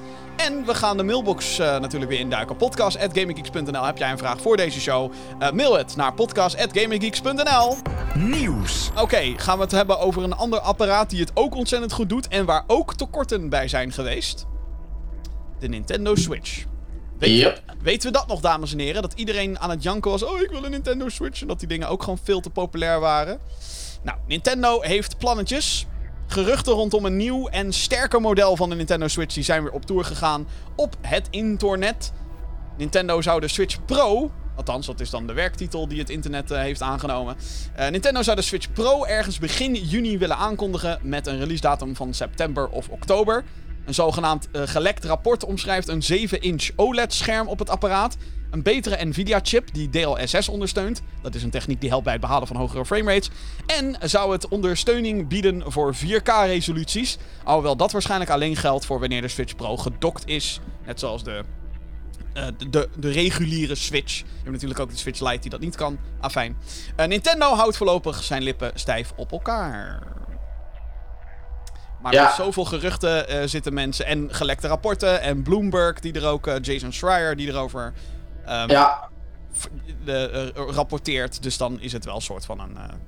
confirm dat het gaat gebeuren. ja waar, waar rook is, hè? Ja, waar rook is, is vuur. En er zijn natuurlijk al jarenlang zijn er geruchten over een, een, eh, een, een, een geüpgrade versie van de Switch. Wat natuurlijk ook logisch is, want Nintendo heeft dat eerder gedaan met hun handhelds. Eh, denk aan de Game Boy Advance SP, denk aan de Nintendo DS Lite en DSi, Nintendo 3DS, eh New 3DS en New 3DS XL, en noem het allemaal maar op. En die tour zijn ze ook de al- visies eh, is er niet onbekend. Nee, en, en die kant zijn ze dus ook, zoals al genoemd, opgegaan met de Switch, met de introductie van de Switch Lite. Ja. Dat er dan een Switch Pro komt, klinkt logisch. Wat verwacht jij daarvan, Johan? Denk jij dat al deze dingen waar zijn? En denk jij, eh, eh, zou, je er, zou je er interesse in hebben? Ik, ik, denk, ik denk dat het inmiddels wel waar is. Want hè, wat je zei, ik bedoel, dat zijn niet meer de minste bronnen die hier zeg maar, over rapporteren. Dus dat ding komt eraan. Eh, wat, ik, wat ik zo bijzonder vind, is dat hij, dat toch dit jaar zou gaan halen. Wederom ook om die verschillende chiptekorten waar we het over hebben gehad. De hele tech-industrie die heeft daar gewoon last van dat verschillende onderdelen gewoon niet geproduceerd kunnen worden of niet en masse geproduceerd kunnen worden, waardoor allerlei producten vertraging oplopen. Ja. En Switch zou daar ook eigenlijk onderhevig aan moeten zijn. Ehm, dus dat vind, ik, eh, dat vind ik sowieso bijzonder. En eh, zou ik erin geïnteresseerd zijn? Eh, ja en nee. Oh ja, dat aan de ene kant ook- doe ik niet zo heel veel met mijn Nintendo Switch. Ja, ja. En aan de andere kant, een Switch Pro biedt natuurlijk wel weer hè, kansen om, om games op een, op een andere manier te beleven. Alleen als ik dan ga kijken naar wat er uitkomt, bijvoorbeeld een, eh, een Breath of the Wild 2, eh, een eh, Pokémon Legends Arceus, dan denk ik van, ga ik dan straks een mindere versie van dat soort games spelen als ik zeg maar blijf bij mijn base model Switch? Waarschijnlijk wel. Ehm, en daar heb ik zeg maar persoonlijk een beetje moeite mee, omdat ik liever gewoon zeg maar de beste versie van een game wil spelen. Maar dan dus moet je ik, gewoon- eh, dan moet ik weet het nog niet. Maar dan moet je gewoon PC Master Race, dat is wel... eh, Ja, maar kun je daar Pokémon Legends Arceus op spelen? Nee, toch? dat snap ik, maar... Emulate, nee. nee, maar... ehm, nee, ik eh, snap het heel goed. Het, ik ben benieuwd of... Want dat dit gaat gebeuren. Ik heb nog wel heel erg veel moeite om te geloven dat 4K... Dat dat Ja, een ding gaat Dat worden. vind ik ook een hele moeilijke. En misschien heeft het inderdaad 4K ondersteuning. En dat er een 4K signaal dan naar je televisie kan. Maar gaan games ook echt op 4K draaien? Dat, dat, dat is een groot verschil. Zeg maar een beetje het Stadia verhaal. Stadia die dan beweert dat alles 4K, eh, 4K 60 fps is. Maar dat bijna geen enkele game dat daadwerkelijk is op eh, Stadia. Stadia! Wat Ja, maar het is ook niks voor Nintendo om dat na te streven. Want zij zijn natuurlijk nooit soort van voorvechter geweest van... Wij hebben de beste graphics en wij nemen het op tegen PlayStation en Xbox. Eh, nee, zij doen gewoon hun ding. En eh, eh, doen dat succesvol. Zeker nu met de Switch. Dus daar, daar heb ik gewoon heel erg veel moeite mee. Dat ik, ik denk dat er heel weinig games gaan zijn die daadwerkelijk die resolutie gaan halen. Ik denk dat je qua kracht dan meer op een PS4 Pro vraagteken dan moet zitten. Hè, dat werd ook helemaal met 4K werd dat gepromoot. Maar dat was eigenlijk meer Ja. 1440p. Dus eigenlijk tussen HD Ja. en 4K in. Ja, Ehm, precies. Die checkerboarding eh, eh, En als dat die ze hadden. Ja. En als dat zo is, kijk, ik weet niet hoe kracht. eh, eh, eh, Er wordt ook gesproken over DLSS, wat inderdaad een Nvidia-foefje is om, eh, om meer eh, detail te krijgen in een beeld. eh, terwijl dat niet zo is. Lang leven AI, waardoor de framerate dus hoger kan. Te gekke techniek is dat. Het werkt op PC althans echt heel erg goed. Mhm. Ehm, en, je, en je ziet het, het naakte oog ziet dat gewoon niet. Een Digital Foundry kan dat waarschijnlijk. Die nerds, die kunnen dat allemaal. die eh, uit kunnen dat elkaar- wel, ja. uit elkaar breken. Maar een, een, ja, een, een, een, een gamer, eh, ik, ik kan het vaak ook niet zien. Dus dat is, dat is goed. Ehm, dus dat soort technieken, dat, dat lijkt me logisch dat Nvidia dat nu in al hun eh, chips sets implementeren. Ja, wat ik al zei, 4K, ik, ik heb daar moeite mee om dat te geloven. Er is ook nog niks gezegd over de resolutie van het OLED-scherm zelf. Want dat is ook heel erg. Hè, heel veel games eh, richten zich op. Oké, we moeten 27p halen. En dan kunnen we dat upscalen naar 1080p als we wat meer ruimte hebben wat betreft koeling. Dat is wat heel veel Switch games nu doen. Ja. Maar de focus zit vaak op de handheld performance. Ehm, dus, dus ik ben heel erg benieuwd hoe ze dat gaan aanpakken. En uh, of het dock dan ook dit keer daadwerkelijk meer is dan alleen een plastic omhulsel. Of dat het systeem dusdanig gebouwd wordt dat er in het dock ook wat meer inhoud zit. Zodat het inderdaad mooier op je televisie kan zitten. Waar ik ook benieuwd naar ben, is of Nintendo dus vooruitstrevend genoeg is op dat gebied. En nou, je, je kaart het net al aan, Nintendo is eigenlijk nooit van het wij moeten de nieuwste tech hebben. Uh, Zijn ze vooruitstrevend genoeg om de strategie aan te nemen die, die Xbox en PlayStation inmiddels ook hebben. Zo van: hey guys, je kan oudere games spelen, maar dan veel mooier en beter en soepeler en bla bla bla. En ik vraag me af of Nintendo geïnteresseerd is om dat ook toe te passen. Want dan je bedoelt in de vorm van patches en dergelijke? Ja, want dan wordt het ineens super interessant om bijvoorbeeld een. Uh, een Animal Crossing New Horizons op 60 fps te spelen. Of op een hoge resolutie. Of op. Ik noem maar, ik noem maar wat. Apart voorbeeld wel. ja, ik zat even naar. Ik, een game waar je rondloopt. nou ja, ik weet het, maar meer detail. Ja, nee, ik, dacht, ik dacht meer aan een uh, Breath of the Wild dan op 60 of zo. Oh ja, of, ja, uh, tuurlijk. Ja, dat is het mee. Ik zat eerst met Mario Kart, maar denk ik, die draait al heel erg goed op een Switch. Dus ja. Uh, en Splatoon ja, nee, ook klopt. bijvoorbeeld. Dus daar, Ja. in, die zin zijn er dus ook weinig voorbeelden. eh, waarin eh, Mario Odyssey ook weer zo'n voorbeeld van een game die prachtig draait op de huidige Switch. Ja, het, het zouden vooral de third-party games zijn die hier heel veel profijt van kunnen hebben. Want die hebben gewoon, eh, nou ja, eh, historisch gezien op de Switch... eh, een, een slechter track record wanneer het op eh eh framerates aankomt. Ja, klopt. Performance. Maar dan kom, dan kom je daar ook weer met een, met een, met een, een dingetje. En dat is dat Nintendo probably doesn't give a fuck. En terecht, want er is maar één third-party game die op de toplijst staat bij Switch. En dat is Minecraft. Mi- Mi- Mi- Minecraft. ja, maar echt, de rest is allemaal Animal Crossing, Smash. Nee, ja, het is allemaal Mario. Nintendo. Het is allemaal Nintendo. Dus het is, het is. En dat betekent niet dat third party geen bestaansrecht heeft op de Switch. Want alsjeblieft, want die variatie heeft de Switch af en toe echt wel nodig. Maar Zeker. ja, dan denk ik, oké, hoe kunnen ze daar profijt uit halen? En gaan ze inderdaad de moeite doen om, om eh, twee versies van een game eh, te bouwen voor de Switch? En de Switch heeft En inmiddels... daar ben ik bang voor, inderdaad. En de Switch heeft inmiddels een best wel groot publiek. En je gaat dan straks tegen dingen aanlopen. Zoals inderdaad, is deze game dan alleen voor Switch Pro? Of is het alleen voor de Switch? Eh, gaan er, dan komen er weer combi-titels. Dan komen er weer. En ah, dat wordt zo'n ingewikkelde puzzel, wordt dat weer. Omdat ik Het denk. wordt zo'n teringzooi voor een consument ook. Ja, want voor third party is het inderdaad. Is het een groot verschil. En dan zou je misschien. Ja, wa- wa- wat ik dan voor me zie is dat je bijvoorbeeld Control kan kopen voor de Switch. Die kan je op Switch Pro lokaal op hardware spelen. Mhm. Zit je op een normale Switch, dan speel je de cloud-versie. Daar zou wellicht een, een oplossing in kunnen vinden. Maar ook dat is weer heel erg omslachtig. Want je moet natuurlijk er niet voor zorgen dat je straks games gaat uitbrengen. waar de 85 miljoen huidige Switch-houders niks aan hebben. Omdat Exact. het Switch Pro-only is. Dus dat wordt heel lastig voor zowel Nintendo als alle andere ontwikkelaars die hier die voor de Switch willen gaan ontwikkelen. Of aan het ontwikkelen zijn, of hebben ontwikkeld zelfs. Hoe ga je in godsnaam die balans. Eh, ja, wa- wa- wat wordt de balans? Wat, wordt, wat worden de specs? En, en eh, Nintendo moet daarin natuurlijk het voorbeeld geven. En we zagen eigenlijk al met de nieuwe Nintendo 3DS dat er echt maar. Er waren echt maar Twee. twee of drie titels inderdaad die exclusief waren. En er waren dan een paar titels die ehm, daadwerkelijk profijt hadden van het feit dat je op een nieuw 3DS zit. Een paar. En Ja, dat waren vaak echt een handjevol inderdaad. Ja. dus, dus hmm. En nogmaals, ik zou het fantastisch vinden hoor. Breath of the Wild, 60 fps of deel 2 op 66 frames per seconde of 4K resolutie. Nogmaals, ik twijfel. Maar weet je wel, dat, dat, ik zou het te gek vinden. Ik, ben- ik ben denk ik all in voor, voor een Switch Pro. Eh, ik, ik vind de Ja. Switch vind ik al een topapparaat, maar ik zit toch wel met... Hmm, ik wou dat die dikke randen weg waren op mijn scherm bijvoorbeeld. Ik wou dat het scherm ja. mooier was. Ik wou dat er een hoge resolutie was.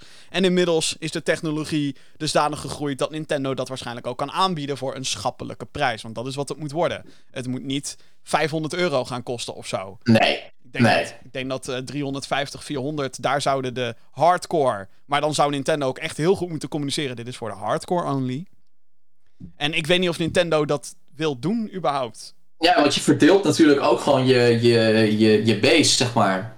Nou ja, tussen kijk, als, tussen eh, hardcore en mainstream in één keer. ik zag ergens ook tussen al die nieuwsberichten hierover en al die rumor mails en eh, nogmaals, dit zijn allemaal geruchten. Althans, gelekte documenten, niks is officieel nog. Ehm, maar ik zag ook dingen voorbij komen als ja, Nintendo wil de Switch Pro dezelfde prijs aanbieden zoals de huidige Switch nu is. En dan gaat de huidige Switch gaat dan in prijs naar beneden. Zou een te gekke strategie zijn voor hun. Ja, De vraag is, A, willen ze dat? Want de Switch verkoopt nog steeds als warme broodjes. Dat gaat supergoed. Ja. Het is eigenlijk verbazingwekkend hoe goed dat gaat, vind ik persoonlijk. ja, Ehm, ik ook. dus ja, dat zou ook top zijn, want dan zouden heel veel mensen ook meteen verleid zijn. Oh, dan ga ik nu gewoon voor een Switch Pro. Eh, te gek. Maar ja, dan moet, dan, het moet bestaansrecht krijgen eigenlijk. En ik ben, ik ben, he- ik ben, helemaal, ik ben helemaal klaar om verrast te worden. Bring it the fuck on. Let's fucking go. Want hoe tof zou het zijn als een Switch-versie niet meer ondermaats is ten opzichte van... En laten we dan wel realistisch zijn... ten opzichte van een PS4 of een Xbox One-versie. Want PS5 is Exact. Ja. Xbox Series, daar zitten ze natuurlijk nog lang niet aan. Het is Nee. wel een handheld, hè, mensen. Dus ja, eh, interessante dingetjes. Ik eh, ben benieuwd. En ja, dan zou het ergens aankomende twee weken zou het aangekondigd moeten worden. ja, nog voor de E3 werd er zelfs gezegd. Ja, het zal mij benieuwen. We gaan het heel snel eh, ontdekken, in ieder geval. ja, ja, ik ben, ik ben, ik ben, ja, ik ben benieuwd, zoals altijd, natuurlijk. Het nieuws, dat hoor je hier. Dan hebben we nieuws over Sonic. En dat is leuk. Althans, mm, Gotta go fast. Gotta go fast. Uitgever Sega die heeft namelijk een presentatie gehouden om de 30ste verjaardag van Sonic te vieren. En dat eh, doen ze ehm, best matig, als ik heel eerlijk ben. Eh, naast Ja, wat crossover... is, eh, slecht. Ja, het is slecht. Naast wat crossover content in verschillende titels komen er ook nieuwe Sonic games aan. Alhoewel het merendeel die stempel niet verdient. Stempel nieuw. Zo is Sega bezig met Sonic Origins, een collectie van Sonic 1, 2, 3, Sonic 3 en Knuckles en Sonic CD. In feite de klassieke games die opnieuw gebundeld worden voor current en last-gen consoles. Daarnaast komt er een remaster van de Wii-titel Sonic Colors. De nieuwe versie heet Sonic Colors Ultimate en komt naar PlayStation 4, Xbox One, Nintendo Switch en de PC via de Epic Game Store op 7 september. Ook werd er een nieuwe Sonic game aangekondigd die in ontwikkeling is bij Sonic Team. Naast een CG teaser waarin Sonic rent, je verwacht het niet, werd er verder niets officieel bekendgemaakt behalve het releasejaar en dat is 2022, volgend jaar dus. Volgens geruchten zal de game Sonic Rangers gaan heten en heeft het een open world design. Nou, van de, van de eh, Sonic, ehm, of althans van de Gamer Geeks ben jij toch wel de grootste Sonic-liefhebber, denk ik? Ja. Ja, Wat Ja, vond ik, jij eh, van de ik was, 30th eh, anniversary? Ja kijk, eh, eh, niet best natuurlijk. Dit was echt, eh, het was ook een hele, het was een hele korte presentatie. En het was echt zo van, ja we hebben allemaal shit rondom Sonic en dat gaan we nu allemaal even gewoon pap pap pap aankondigen. En het voelde gewoon heel erg liefdeloos. Als je bijvoorbeeld kijkt naar wanneer bijvoorbeeld Pokémon een, een, een anniversary viert, dan krijg je een soort van video met van hoe ze zijn begonnen en hoe de games verder zijn ontwikkeld en hoe de franchise is gegroeid. Ze hadden dit jaar ook weer een hele mooie waarin alle facetten van de hele franchise met film, TCG, eh, eh, de meest rare, obscure dingen die er nog zijn uitgekomen voor de verschillende Game Boys. Alles werd meegenomen in zo'n soort van historiefilmpje. En nou ja, Sonic doet dat gewoon niet. Nou ja, de, de Eh, hele presentatie werd ook gevuld met... Oh, we hebben merch en we hebben... Er komt een anim, animatieshorts naar... Het voelde als een advertentie. Nou, het, het, was, het voelde als... We hebben eigenlijk bijna niks, jongens. Maar we gaan het toch een soort van doen alsof we zoveel hebben. Heel veel hebben, ja. Nee, maar en, en die hele aankleding daaromheen was gewoon heel liefdeloos. Dat ik echt zoiets had van... Ik wil even zo'n trip down memory lane, weet je wel. Ze hadden wel... eh, eh, voordat die presentatie was, hebben ze een soort van commercial uitgebracht... die wel een beetje laat zien wat ik bedoel. Eh, en... nou, hele vette commercial. Dus als je die wil zien, moet je even naar het eh, kanaal van, eh, van Sega gaan. En dan kun je hem, eh, kun je bekijken. En dat ging wel, zeg maar, over 30 jaar Sonic. Hè, dat je bent begonnen met de 16-bit versie. En dat het, zeg maar, zo gegroeid is met verschillende dingen. Zoals de comics, een televisieserie, een, een live-action film. Al dat soort dingen. Maar als je dan echt gaat kijken, zeg maar, naar ja, het vlees dat, zeg maar, in deze presentatie zat... Ja, die Origins Collection, laten we daarmee beginnen. Eh, leuk. Maar biedt dat verder nog iets anders, zeg maar? Of is Ja, het maar, gewoon ko- maar ook kom op. games en die gaan we nu kunnen spelen op, een op de huidige console? Hoe fucking vaak hebben we inmiddels... Het is alsof je nu nog een aankondiging gaat doen. Alsof Nintendo nu komt met... Hey guys, Super Mario Brothers 1! Yeah! ja. Guys, fuck. We hebben die game al 85 keer gespeeld. I don't care. En, en daarom heb ik zoiets van, als je dan zo'n collection uitbrengt, eh, doe dat dan voor de verzamelaar en doe daar vette shit bij. Nou, je, ik- maar laat ik- mij maar dan ik denk- ik- 70 euro betalen. Maar dan denk ik, ga dan all out en kom dan met de, like de ultieme Sonic compilatie. Kom dan niet met Sonic 1, 2, 3, Knuckles en CD. Kom dan met fucking 3D Blast, eh eh Eggman's Mean Bean Machine, fucking, of Robotnik was Ja. het toen nog, whatever. Kom dan met Sonic Adventure 1, 2. Flikker gewoon al die shit in een collectie. Er zijn al genoeg modders en, en, en mensen die dat fucking gratis voor je zouden doen. Ja. Fucking eh, Sonic, de, de Sonic Mania 2, waar de fuck is dat? Eh, Dan denk ik, what the fuck? Dit is Sonic! Dit is jouw grootste Ja, fucking... Daar kom ik zo op, inderdaad. Maar goed, dus die Origins dan- Collection, eh, ik hoop dat dat meer heeft dan alleen die games. Nou, ik denk dat dat het is. zegt, Ik denk dat dat het is. Dit is echt heel mager. En waarschijnlijk heb je ook gelijk. Dat meer zit er niet in. Eh, dan heb je die, die teaser inderdaad van wat dan waarschijnlijk Sonic Rangers gaat worden. Ehm, ja. What the fuck. Ja, maar ik denk- bedoel, je- je- maar ook daar- teasers en je hebt teasers. Ja. En nou, dit, dit was niet eens een teaser, toch? Ik bedoel, Het was dit- je letterlijk een CG Sonic die rent. En dat was het. En dan denk ik, goh, Sonic die rent. Hebben we nog nooit gezien. Nee, maar dat is toch geen teaser? Nee, tuurlijk niet. Nee, maar het is- Als je inderdaad iets laat zien wat nieuw is in die nieuwe Sonic game, een nieuwe mechanic of een nieuw character of, of een schaduw, een silhouet van iets dat je denkt van wow, fuck, spannend, wat is dat? En je zegt dan 2022, dan denk je oké, maar nu is het Sonic die rent. Sonic rent al 30 jaar. Dat is wat Sonic doet. Ja, maar, Hij de- rent. ik, ik, maar ik denk ook... eh, Wat de fuck hebben ze... eh, wanneer kwam Sonic Forces uit, jongens? Dat, dat mispaksel. Wanneer kwam dat uit? 2017? 18? Het is fucking vier jaar! I know! Wat de fuck hebben ze gedaan daar? Heus kan je niet meer laten zien dan dit. Het is echt dat ik denk... Guys. Ja, Sonic Colors Ultimate, eh, die, eh, die staat natuurlijk al een tijdje op de planning. Hè? Dat gerucht gaat al heel lang eh, rond. Dus die, die lag waarschijnlijk al klaar op de plank. Maar hè, COVID, gezeik, niet uitgebracht. Ja. Ehm, ja, en dan denk ik wel, zeg maar, als echt groot Sonic-fan van... Oké, weet je... What the fuck. Ook, ook, die, ook die aankondiging van... eh, want er komt natuurlijk een Netflix-serie aan, Sonic Prime. Gewoon geen beelden, niks. Gewoon eh, eh, een, een maker of zo die in beeld komt, die wat vertelt. wat, ja, boeien, weet je. Ja, we gaan proberen een universum neer te zetten zoals dat nooit eerder is gedaan. Dat zegt elke filmmaker over elke film die hij ooit maakt. Ja. Ik ga iets proberen wat nog nooit eerder is gedaan. En dat is een mooi en nobel streven, want dat moet je ook doen als creator. Alleen het zegt niks. Nee.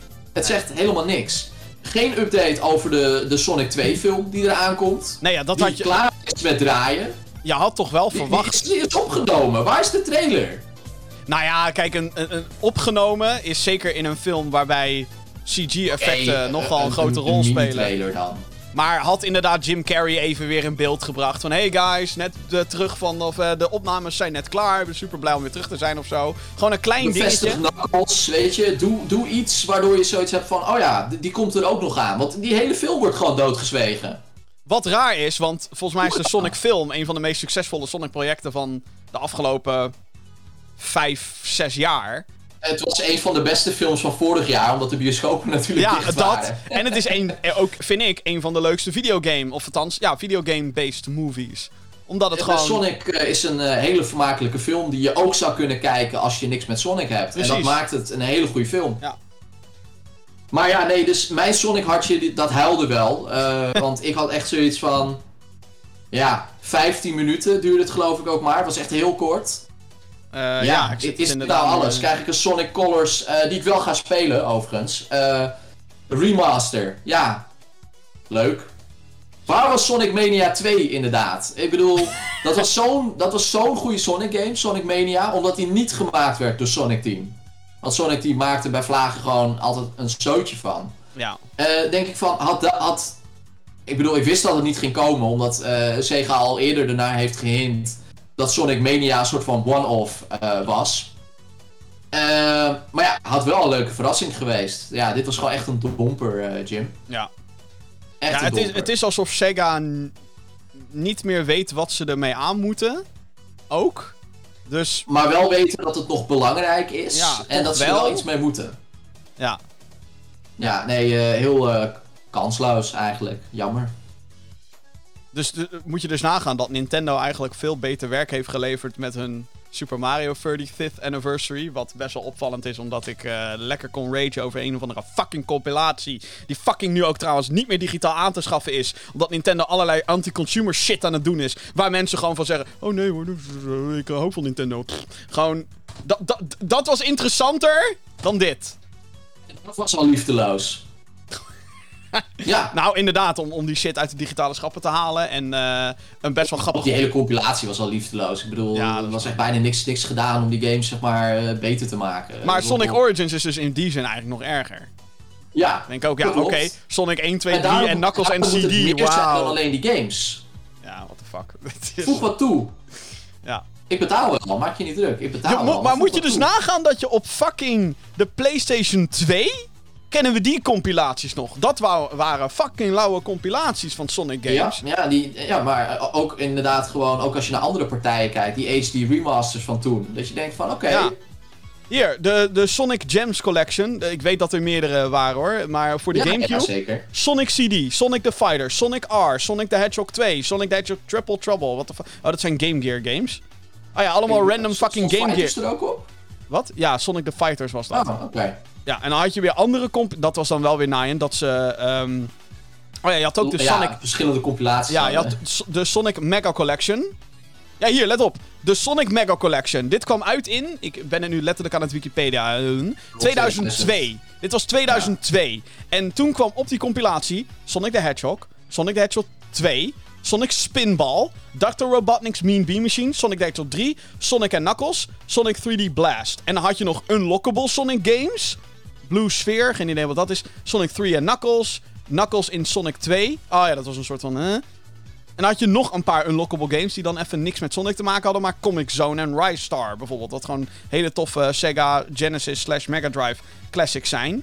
En het enige wat eigenlijk dus niet op deze compilatie staat, omdat ze dat dus wilden bewaren voor die Gems Collection die ik net benoemde, is Sonic CD. Maar dit is een veel interessantere, leukere compilatie dan wat we nu fucking krijgen in Sonic Origins. Flikker gewoon al die Ja. fucking games in één compilatie. Game Gear, Mega Drive, Saturn versies, I don't give a fuck. Pleur alles gewoon erop. Want het, wordt, het is al 80.000 keer geëmuleerd. Het is echt niet moeilijk meer om te doen.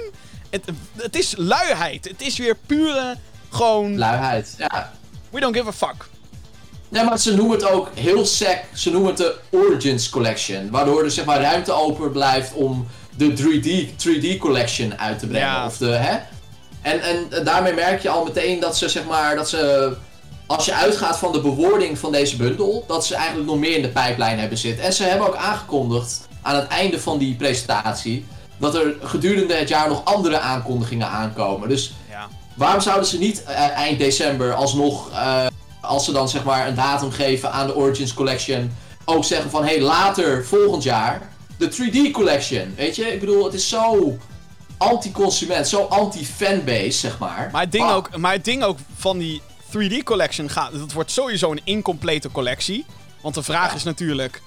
eh, wat is onderdeel van de 3D collection? Is Sonic Generations daar onderdeel van? Is Dat Unleashed, is Unleashed daar een onderdeel van? Ik vind persoonlijk van wel bijvoorbeeld. Ik weet dat heel veel mensen Ja. die game haten, maar ik vond het eigenlijk best geinig.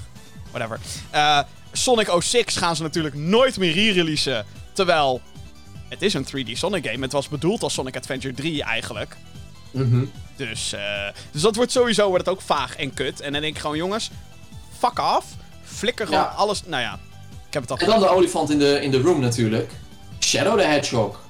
Oh moet ja! Die er, moet die er ergens op staan? Ja, Waarschijnlijk niet. Maar ja, daar gaan mensen wel over klagen. Net als dat wij zoiets hadden van, waar is Mario Galaxy 2?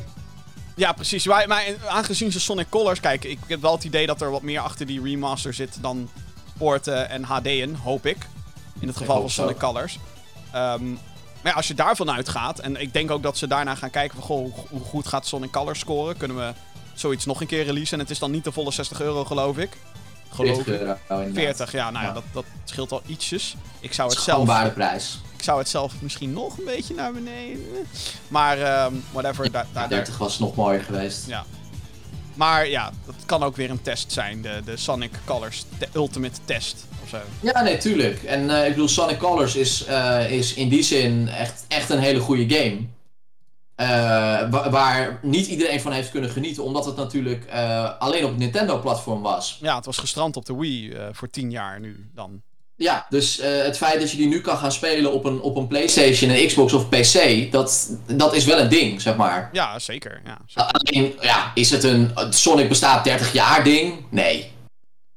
Nee, voor, voor, voor Nee. het vieren van, van, van hè, dit, 30 jaar Sonic, zou je toch denken dat ze grootser uit zouden pakken. Ja, En wie weet, het is, kijk, eh, het- jammer. Het kan natuurlijk ook zomaar zijn, en dit is wel een hele grote if, Oh, maar als Sonic Rangers, dus die nieuwe Sonic game, echt fucking goed is gewoon. Wat ik nogmaals betwijfel, want er is in mijn optiek is er nooit een hele goede 3D Sonic game geweest. Sorry, Sonic Adventure is echt niet goed. Zeker niet als je hem nu gaat spelen anno 2021. Nee. Nee, is niet goed meer. Is niet goed. Is niet goed. Als je, hè, ik speel nog liever Super Mario fucking 64 dan fucking Sonic Adventure. Nou, dan ga je ver hoor. Vind ik.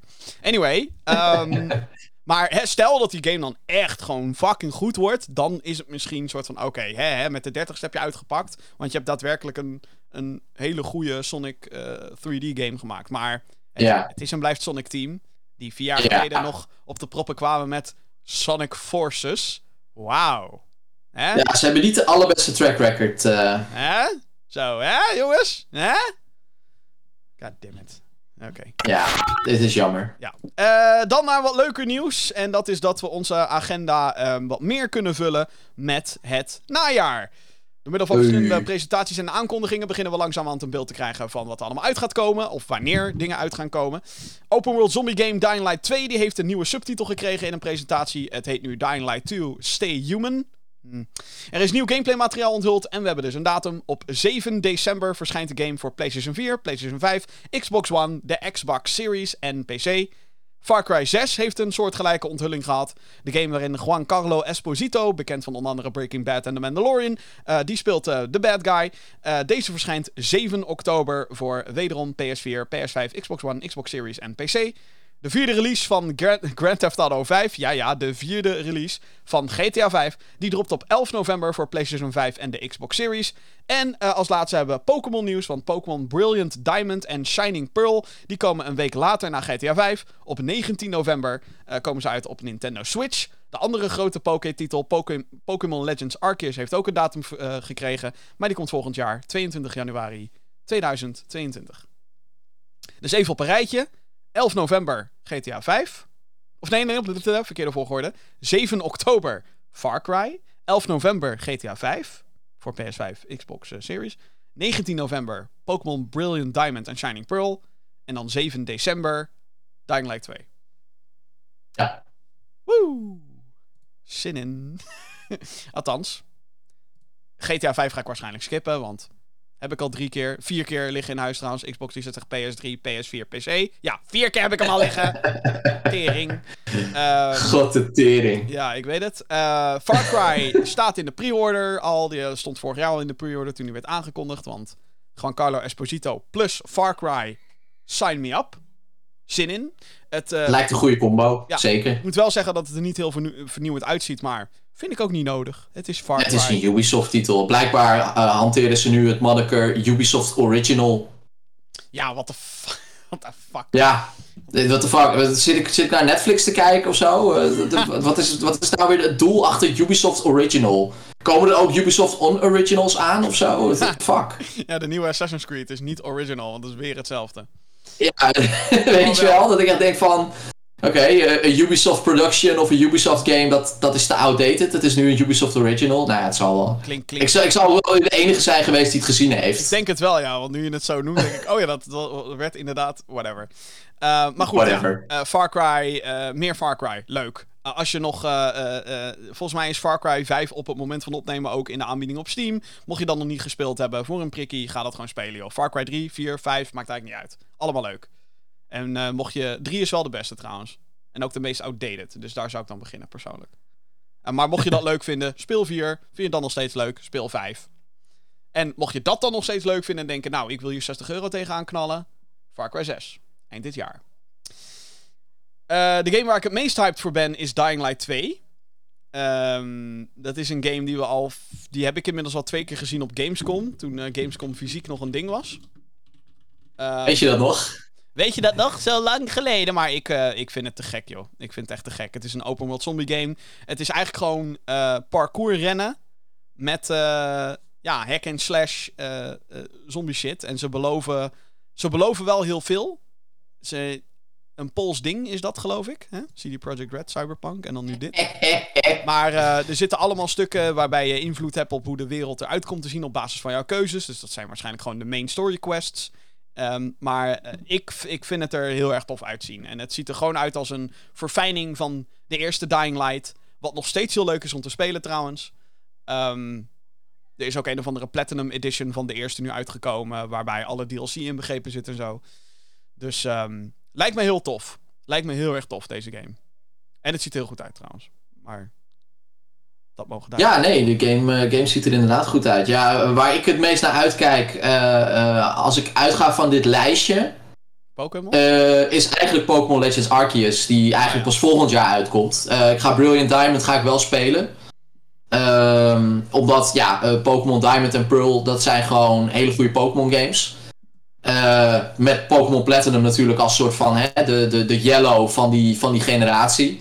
Ik hoop ook nog steeds dat er wat Platinum in, uh, in die remakes van uh, Diamond en Pearl gaat zitten. Want anders heb ik zoiets van, ja, waarom niet? Weet je wel, het zou heel raar zijn. Zeker ook omdat het natuurlijk een soort van opmaat is naar Pokémon Legends Arceus. Waar je zeg maar de Sinnoh region, hè, waar ook Diamond en Pearl zich afspelen, bezoekt. Maar dan zeg maar honderden jaren eerder. Um, dus ja, dan zou je denk ik ook het volledige verhaal van Platinum wel moeten meekrijgen. Omdat daar wellicht een soort van crossover uh, dingen kunnen gebeuren met uh, Legends Arceus. Uh, maar daar ben ik eigenlijk wel het meest benieuwd naar. Omdat het gewoon, ja, het is een nieuwe Pokémon game. Maar niet alleen een nieuwe Pokémon game. Het is ook gewoon echt een Pokémon game zoals we die nog niet eerder hebben gezien. het is ja, een open world Pokémon game. Eigenlijk iets waar, waar we al 20, 25 jaar om smeken, zeg maar. Een, uh, en dat een, lijkt nu eindelijk te gaan gebeuren. Het dus, is een 3D uh, ja, open world. Spannend. Het is een 3D open world Pokémon game. Want het is natuurlijk wel zo dat in principe de... Ja, ja. Nee, je hebt gelijk. Alhoewel de, de, de, de oude Pokémon games van William waren natuurlijk wel in die zin gestructureerd dat... Oh, er staat een steen in de weg.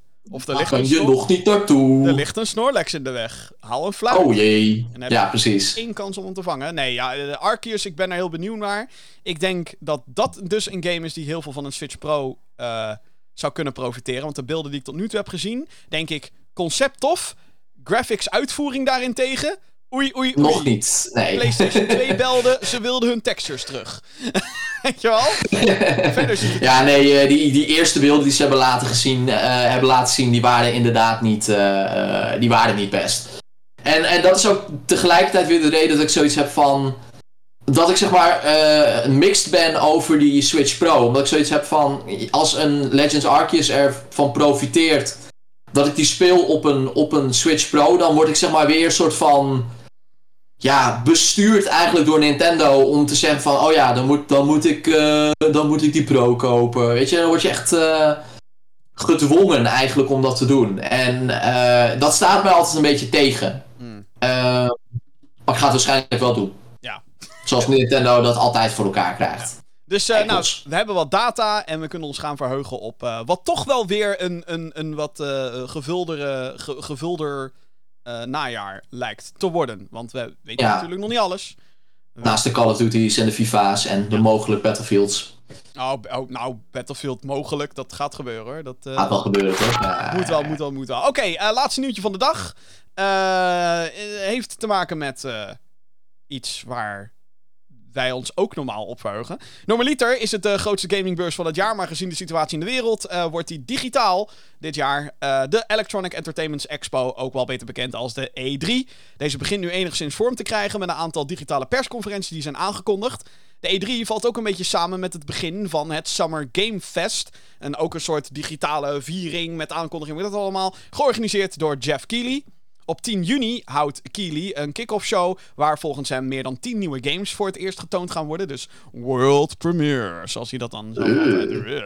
11 juni gaat uitgever Koch Media een presentatie houden in het kamer, kader van Summer Games Fest. Onlangs kwam het nieuws naar buiten dat de uitgever de studio Free Radical nieuw leven in gaat blazen om Timesplitters terug te brengen. Hype, maar het duurt nog 5 jaar. Komt met een Timesplitters remaster, you fucking bastard. 12 juni begint de E3-gekte met Ubisoft Forward. De uitgever van niet Forward, maar Forward. De uitgever van onder andere Assassin's Creed Rainbow Six en het eerder genoemde Far Cry houdt om 9 uur s avonds hun showcase. Op 12 juni dus. Xbox houdt dit jaar zijn presentatie in combinatie met Bethesda. Wat logisch is, aangezien het bedrijf de uitgever heeft overgenomen. 13 juni om 7 uur s avonds is deze showcase. Gedurende dat weekend komen er ook nog presentaties van Square Enix, Nintendo, Limited Run Games en de PC Gaming Show en Future Game Show keren ook allemaal terug. Dus dat wordt weer een feestje. Tering. Allemaal marketing en reclame waar we ons maar al te graag in verdwijnen. Want hoe leuk is het om gehyped te raken over videogames? Ik vind het leuk. Ik vind het helemaal mooi. Ik vind het helemaal mooi. Um, ja, zonder uh, al te veel over elke presentatie te gaan doen. Want we gaan volgende week. Stel ik. Hé, hey, papi, waar is Sony? Doet Sony niks? Nee, Sony is geen onderdeel van E3. En Sony gaat waarschijnlijk wel weer met een grote State of Play showcase komen, maar... Maar wel in die periode, toch? Hoop ik? Waarschijnlijk wel, ja. Want die willen natuurlijk ja, okay. ook gewoon... Uh... Sorry, ik, ik, zie, ik, zit, ik zit ineens te kijken en denk, ik mis, ik mis er één. Ja, maar die, die, die heeft nog niks aangekondigd of zo. Gaan ze dat in het kader van Summer Game Fest doen? Waarschijnlijk ook niet. Doen ze gewoon als zijn de Sony State of Play. En ook, Eigen ding, ja. En ook niet uh, als zijn de E3. Um, EA heeft trouwens ook uh, zijn ding aangekondigd. EA Play, die doet dit ook afzonderlijk van dit. Maar dat is pas in juli. Juli. Juli, ja. Dus, ja, ja, ja, uh, dat. Uh, even voor de administratie. Ja, we willen met Gaming Geeks gaan we weer een aantal dingen streamen. Dat, dat je onze reacties live krijgt en een feestje eromheen bouwen en zo. in wat voor vorm we dat exact gaan doen, weten we nog niet. dat gaan we deze week eigenlijk een beetje uh, bespreken, denk ik. En ik denk dat we uitgebreid op elke individuele partij, zodra er ook meer, uh, of althans laten we hopen dat dat volgende week wel echt een ding is. Maar dan gaan we weer de jaarlijkse Gaming Geeks podcast, grote E3 voorspelling show, gaan we dan weer doen. Waar ik wel weer zin in heb eigenlijk. Uh, maar... Wordt een er... interessant jaar. Ja, dat sowieso, ja. Maar is er een dingetje waarvan jij nu... Um, waarvan jij nu al zegt Oh ja, dat is interessant, daar wil ik het even over hebben. Uh, voor mij is het natuurlijk Xbox en Bethesda. Ik denk dat dit nu ook al soort van confirmed dat zij hun aankomende Bethesda-titels. Hè, daar was nog discussie over. Komt dat nou nog wel naar PlayStation of niet? Uh, ik denk dat op deze conferentie uh, meteen duidelijk wordt: Bethesda is van Xbox. Fuck you, PlayStation. Starfield gaat niet naar PlayStation. Tenzij ze misschien goedwillend zijn en dat Starfield, omdat Starfield al een tijd in ontwikkeling is, dat ze misschien zeggen: oh ja, doen we dan ook maar op PlayStation. We don't give a fuck. Maar ik denk dat ze heel erg het statement gaan brengen: Bethesda is van ons. Koop maar een Xbox of de PC Game Pass. Dat wordt een boodschap. Ja, nee, ik denk het ook. Want waarom zou je anders gezamenlijk zeg maar, die presentatie doen? Ik bedoel, nou ja, kijk, het, is, heel ook... raar als je PlayStation games gaat laten zien tijdens een Xbox-presentatie, toch? Het is, uh, nou kijk, de Bethesda uh, zou in principe natuurlijk uh, in die zin denk ik genoeg voer hebben om een eigen conferentie te doen. want ze hebben Ghostwire die naar PlayStation komt, nog niet naar Xbox. Ze hebben Deathloop die naar PlayStation komt, nog niet naar Xbox. die twee games gaan Kut, nu ga ik er alsnog heel veel dingen voorspellen, maar dat maakt niet uit. Maar die twee games gaan denk ik niet op deze conferentie komen. Die gaan ze gewoon doodzwijgen. Zo van, laat Sony, ja, ja. laat Sony lekker die promotie maar doen. En dat gaat Sony ook doen natuurlijk, want het is voorlopig nog PlayStation 5 console exclusive. Um, Precies. Maar... Um, ja, dus, dus Bethesda zou wel een eigen showcase in theorie kunnen doen. Um, waar ik dus wel op hoop nu ook, is dat omdat Bethesda nu hierbij gemengd wordt, dat we dan ook niet meer die shit krijgen van... Oh, een update voor Elder Scrolls Online. Een update voor Fallout 76. Een update voor Fallout Shelter. Dan komt weer een of andere shitty game naar mobile. En als ze dat erin gaan doen, wordt het super kort. Hè, want bij een Bethesda Showcase wordt dat soort shit uitgerekt... omdat je van Bethesda alleen een hele showcase moet kunnen bouwen. En nu is dat korter, want hey, je hebt, uh, volgens mij gaat de presentatie ook twee uur duren. En dat moet een Xbox en Bethesda zijn. En dat is een hele hoop.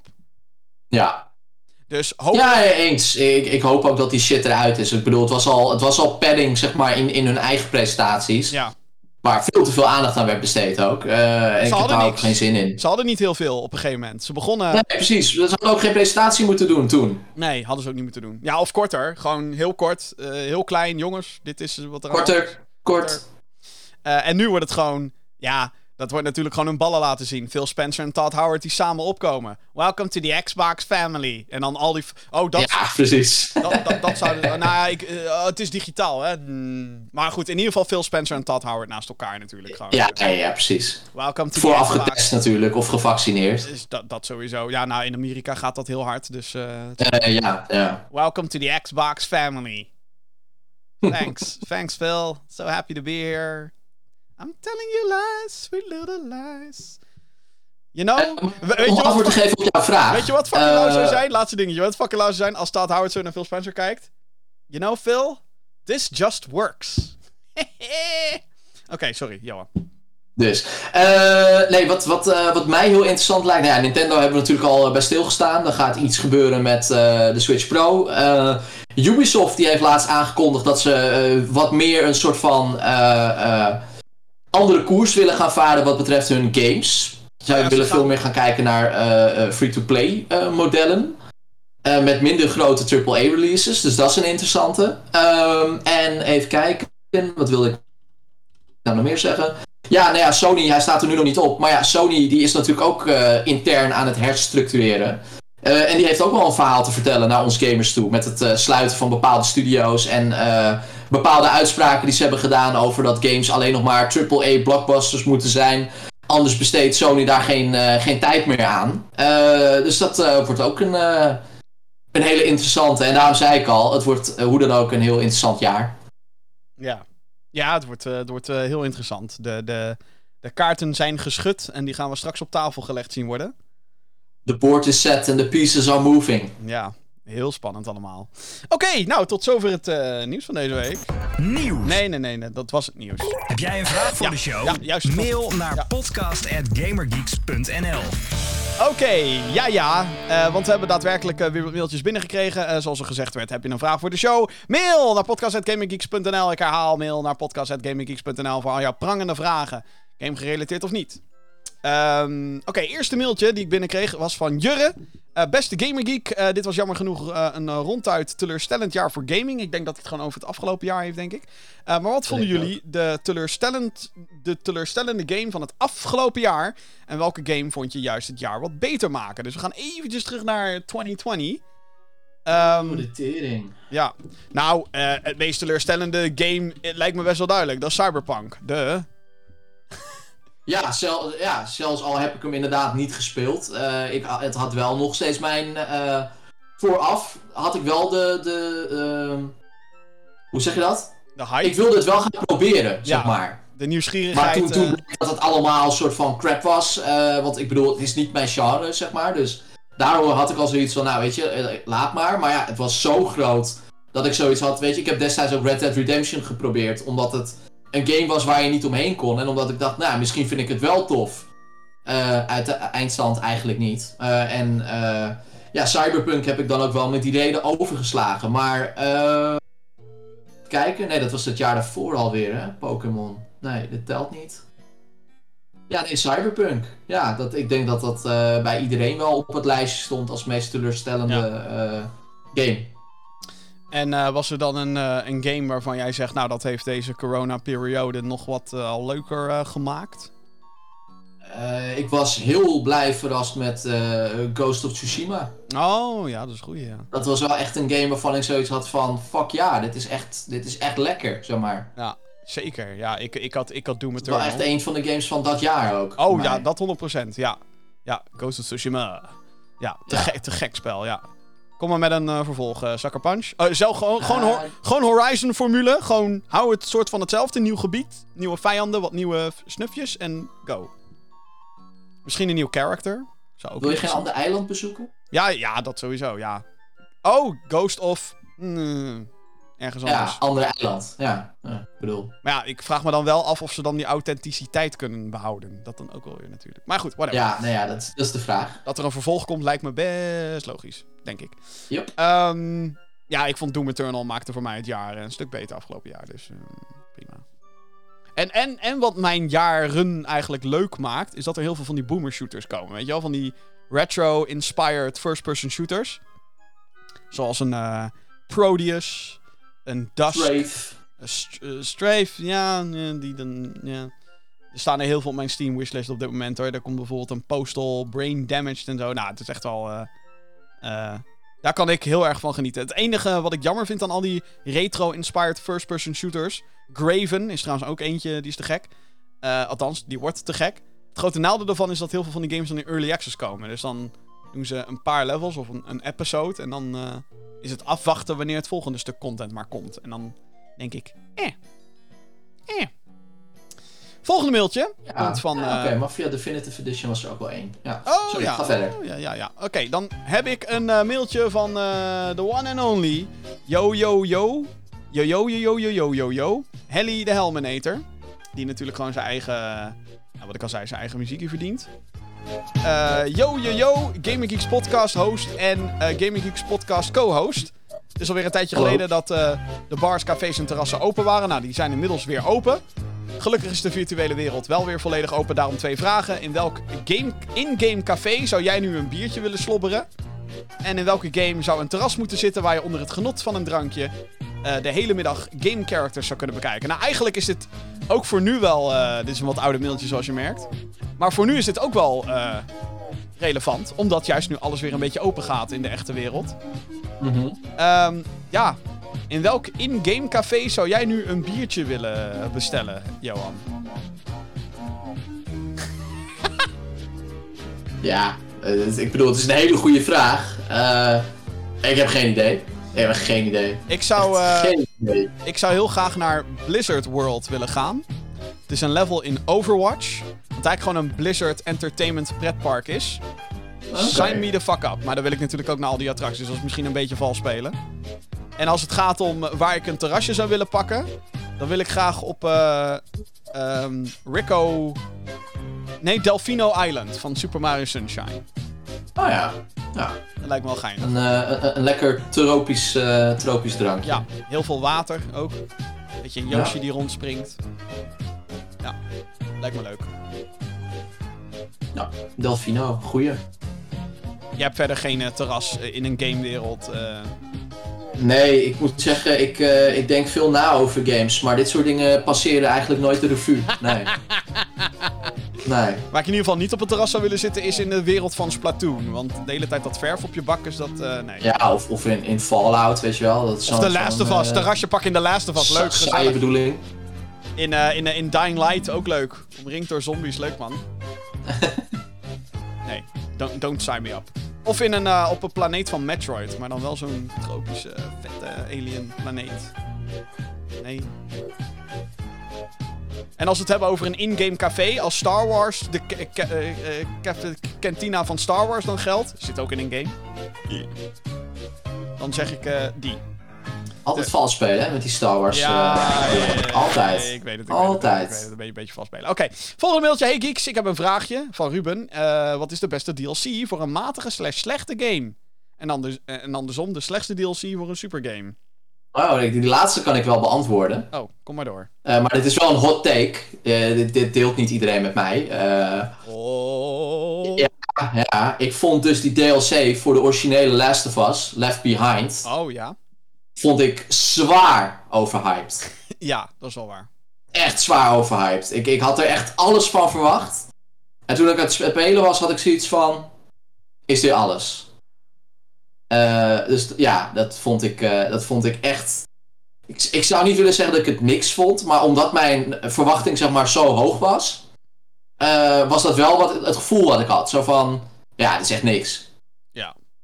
Eh, beste DLC voor een matige game. Eh, die weet ik dan Oeh. wel. Ehm, er was een stuk DLC voor Duke Nukem Forever.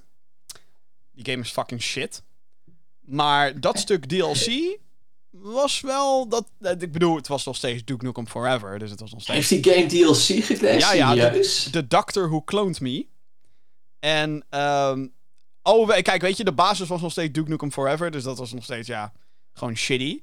Maar qua context, qua level design, qua, zeg maar, hoe, de- hoe de game eh, voortvloeit en zo, en de characters, Mhm. dat was allemaal een stuk beter dan de base game, de main game.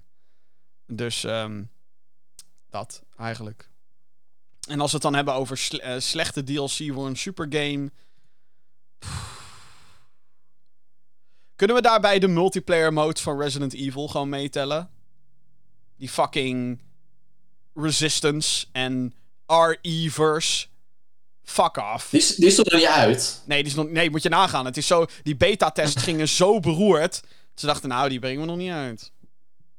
En ehm, ik moet zeggen, maar dat hebben ze later dan wel weer rechtgetrokken. Maar ehm, de eerste DLC voor Bioshock Infinite was zo'n soort arcade-achtige mode en zo. En daarna kwamen de story DLC's. Dus wat dat betreft hoef ik ook weer niet te zeiken. Maar dat, dat was ook dat ik dacht. Meh. Oké. Nee. Maar, whatever. Daar hoef ik, daar, zeker nu achteraf hoef je daar niet meer over te zeiken. Want als je nu Bioshock Infinite ergens haalt, komt daar Burial at Sea, wat dan de daadwerkelijke story DLC is, komt er dan vaak bij. Ja, precies. Ja, sowieso als je die collection koopt, dan, eh, dan, dan koop je niet alleen Bioshock 1 en 2 en 3, maar dan heb je gewoon alle DLC, toch? Ja. Ja, ja, het ligt er maar net aan hoe je dat bekijkt, want de multiplayer uit Bioshock 2 is geschrapt. Ja, Dus oké. ja. Als daar DLC voor was, wat waarschijnlijk wel het geval was, maar dan, whatever. Is even... ja, die multiplayers die worden altijd geschrapt, hè, en dat soort... eh, In remasters, ja. Ja, ja. ja. Ook bij Mass Effect, eh, de multiplayer van De 3. Legendary, ja. Die is er niet. Ehm, ik zit even hard na te denken of er nog andere matige eh, DLC was. Ja, ik heb, ik heb eh, het Waarschijnlijk bij, Assa- bij, bij Assassin's Creed is het ook altijd hit of miss met, eh, met de expansions, zeg maar. Ik weet dat eh, van Origins en Odyssey vond ik de DLC wel echt te gek. En die van Valhalla, daar ben ik nog niet aan toegekomen, want Valhalla is een veel te grote game. Waar ik ook voorlopig nog niet aan toe kom. Om dat uit te spelen bedoel ik dan. Ja, precies.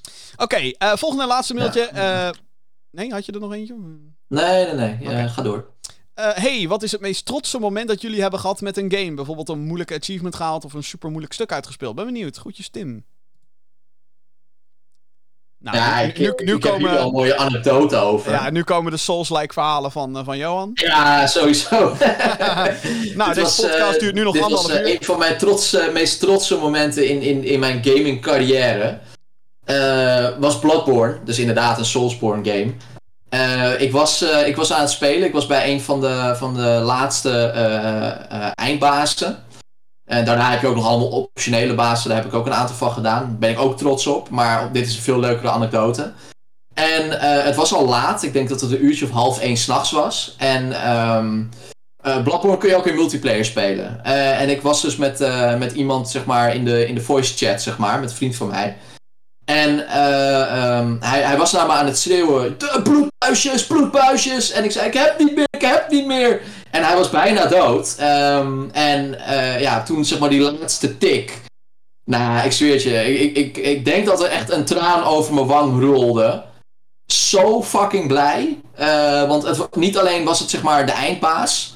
eh, het, het was ook zeg maar de eerste poging dat het lukte. Oh. Ja, en ik had echt gewoon geen helft meer. Gewoon, ik had geen, geen mogelijkheid meer om helft te krijgen. Want al mijn, mijn items waren depleted, zeg maar. En eh, ik had, ja, je zag ook bijna gewoon niks meer in mijn health bar aan, eh, aan HP. Eh, ja, dus ik was heel blij. Ik denk dat de hele buurt heeft gehoord dat ik Bloodborne heb uitgespeeld. Ja, ja. Midden in de nacht. Ehm, trotse gamermomenten. Nou, als ik een keer een Warzone in Call of Duty Warzone en, en- en- Eén kill hebt. Nee, nee, een victory, dan, eh, dan ben ik wel blij hoor. Dan sta ik wel even te springen altijd. Eh, zeker als ik dan met een team eh, heel wat pogingen heb gedaan die dag en dat het dan echt gewoon een keer lukt. Oh, let's fucking go! Is het meteen eh, die, die adrenaline. Eh, verder ben ik super trots op dat ik de Tower Knight een keer heb verslagen in Demon's Souls. heb je daarna nog een Ja. verslagen? Nope. Eh, En ik kwam er daarna ook achter dat ik allerlei dingen in mijn run al verneukt had. Zonder dat ik die dingen kon weten. Dus eh, eigenlijk moet ik gewoon overnieuw beginnen weer met Demon's Souls. En niet de boss souls gewoon consumeren. Schijnt. Dat schijnt iets te, te zijn wat je niet moet doen.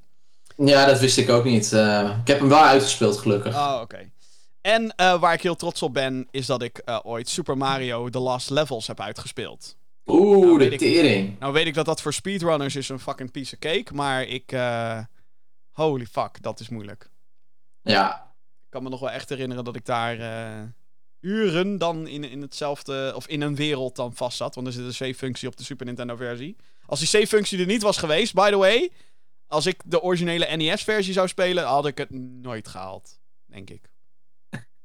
Dan was je nu nog steeds bezig. Dan was ik nu nog steeds bezig, ja. Ja. ja nee, e- echt niet. Echt niet. En eh, eh, ik vind het dan soms ook wel tof om een hele lange run in Risk of Rain 2 te hebben. Een immortal run. Een god run, eigenlijk. Zo'n roguelite. Risk of Rain 2. is leuk. Ja, ja, ik ben Returnal aan het spelen, dus... eh, Oh ja, zo, die schijnt ook heel moeilijk te zijn, by the way. Oh god, ik heb hem, eh, ik heb hem nog niet. Oh, Ben er nog, ben er nog niet aan toegekomen, in alle eerlijkheid. nou, Oh. eh, maak je borst maar nat. Oh jee. Oh, Of, jee. nou ja, je, je borst maakt je hele lichaam maar gewoon nat. Het is gewoon een drama. Wat een Ah. kutspel. Oh, god.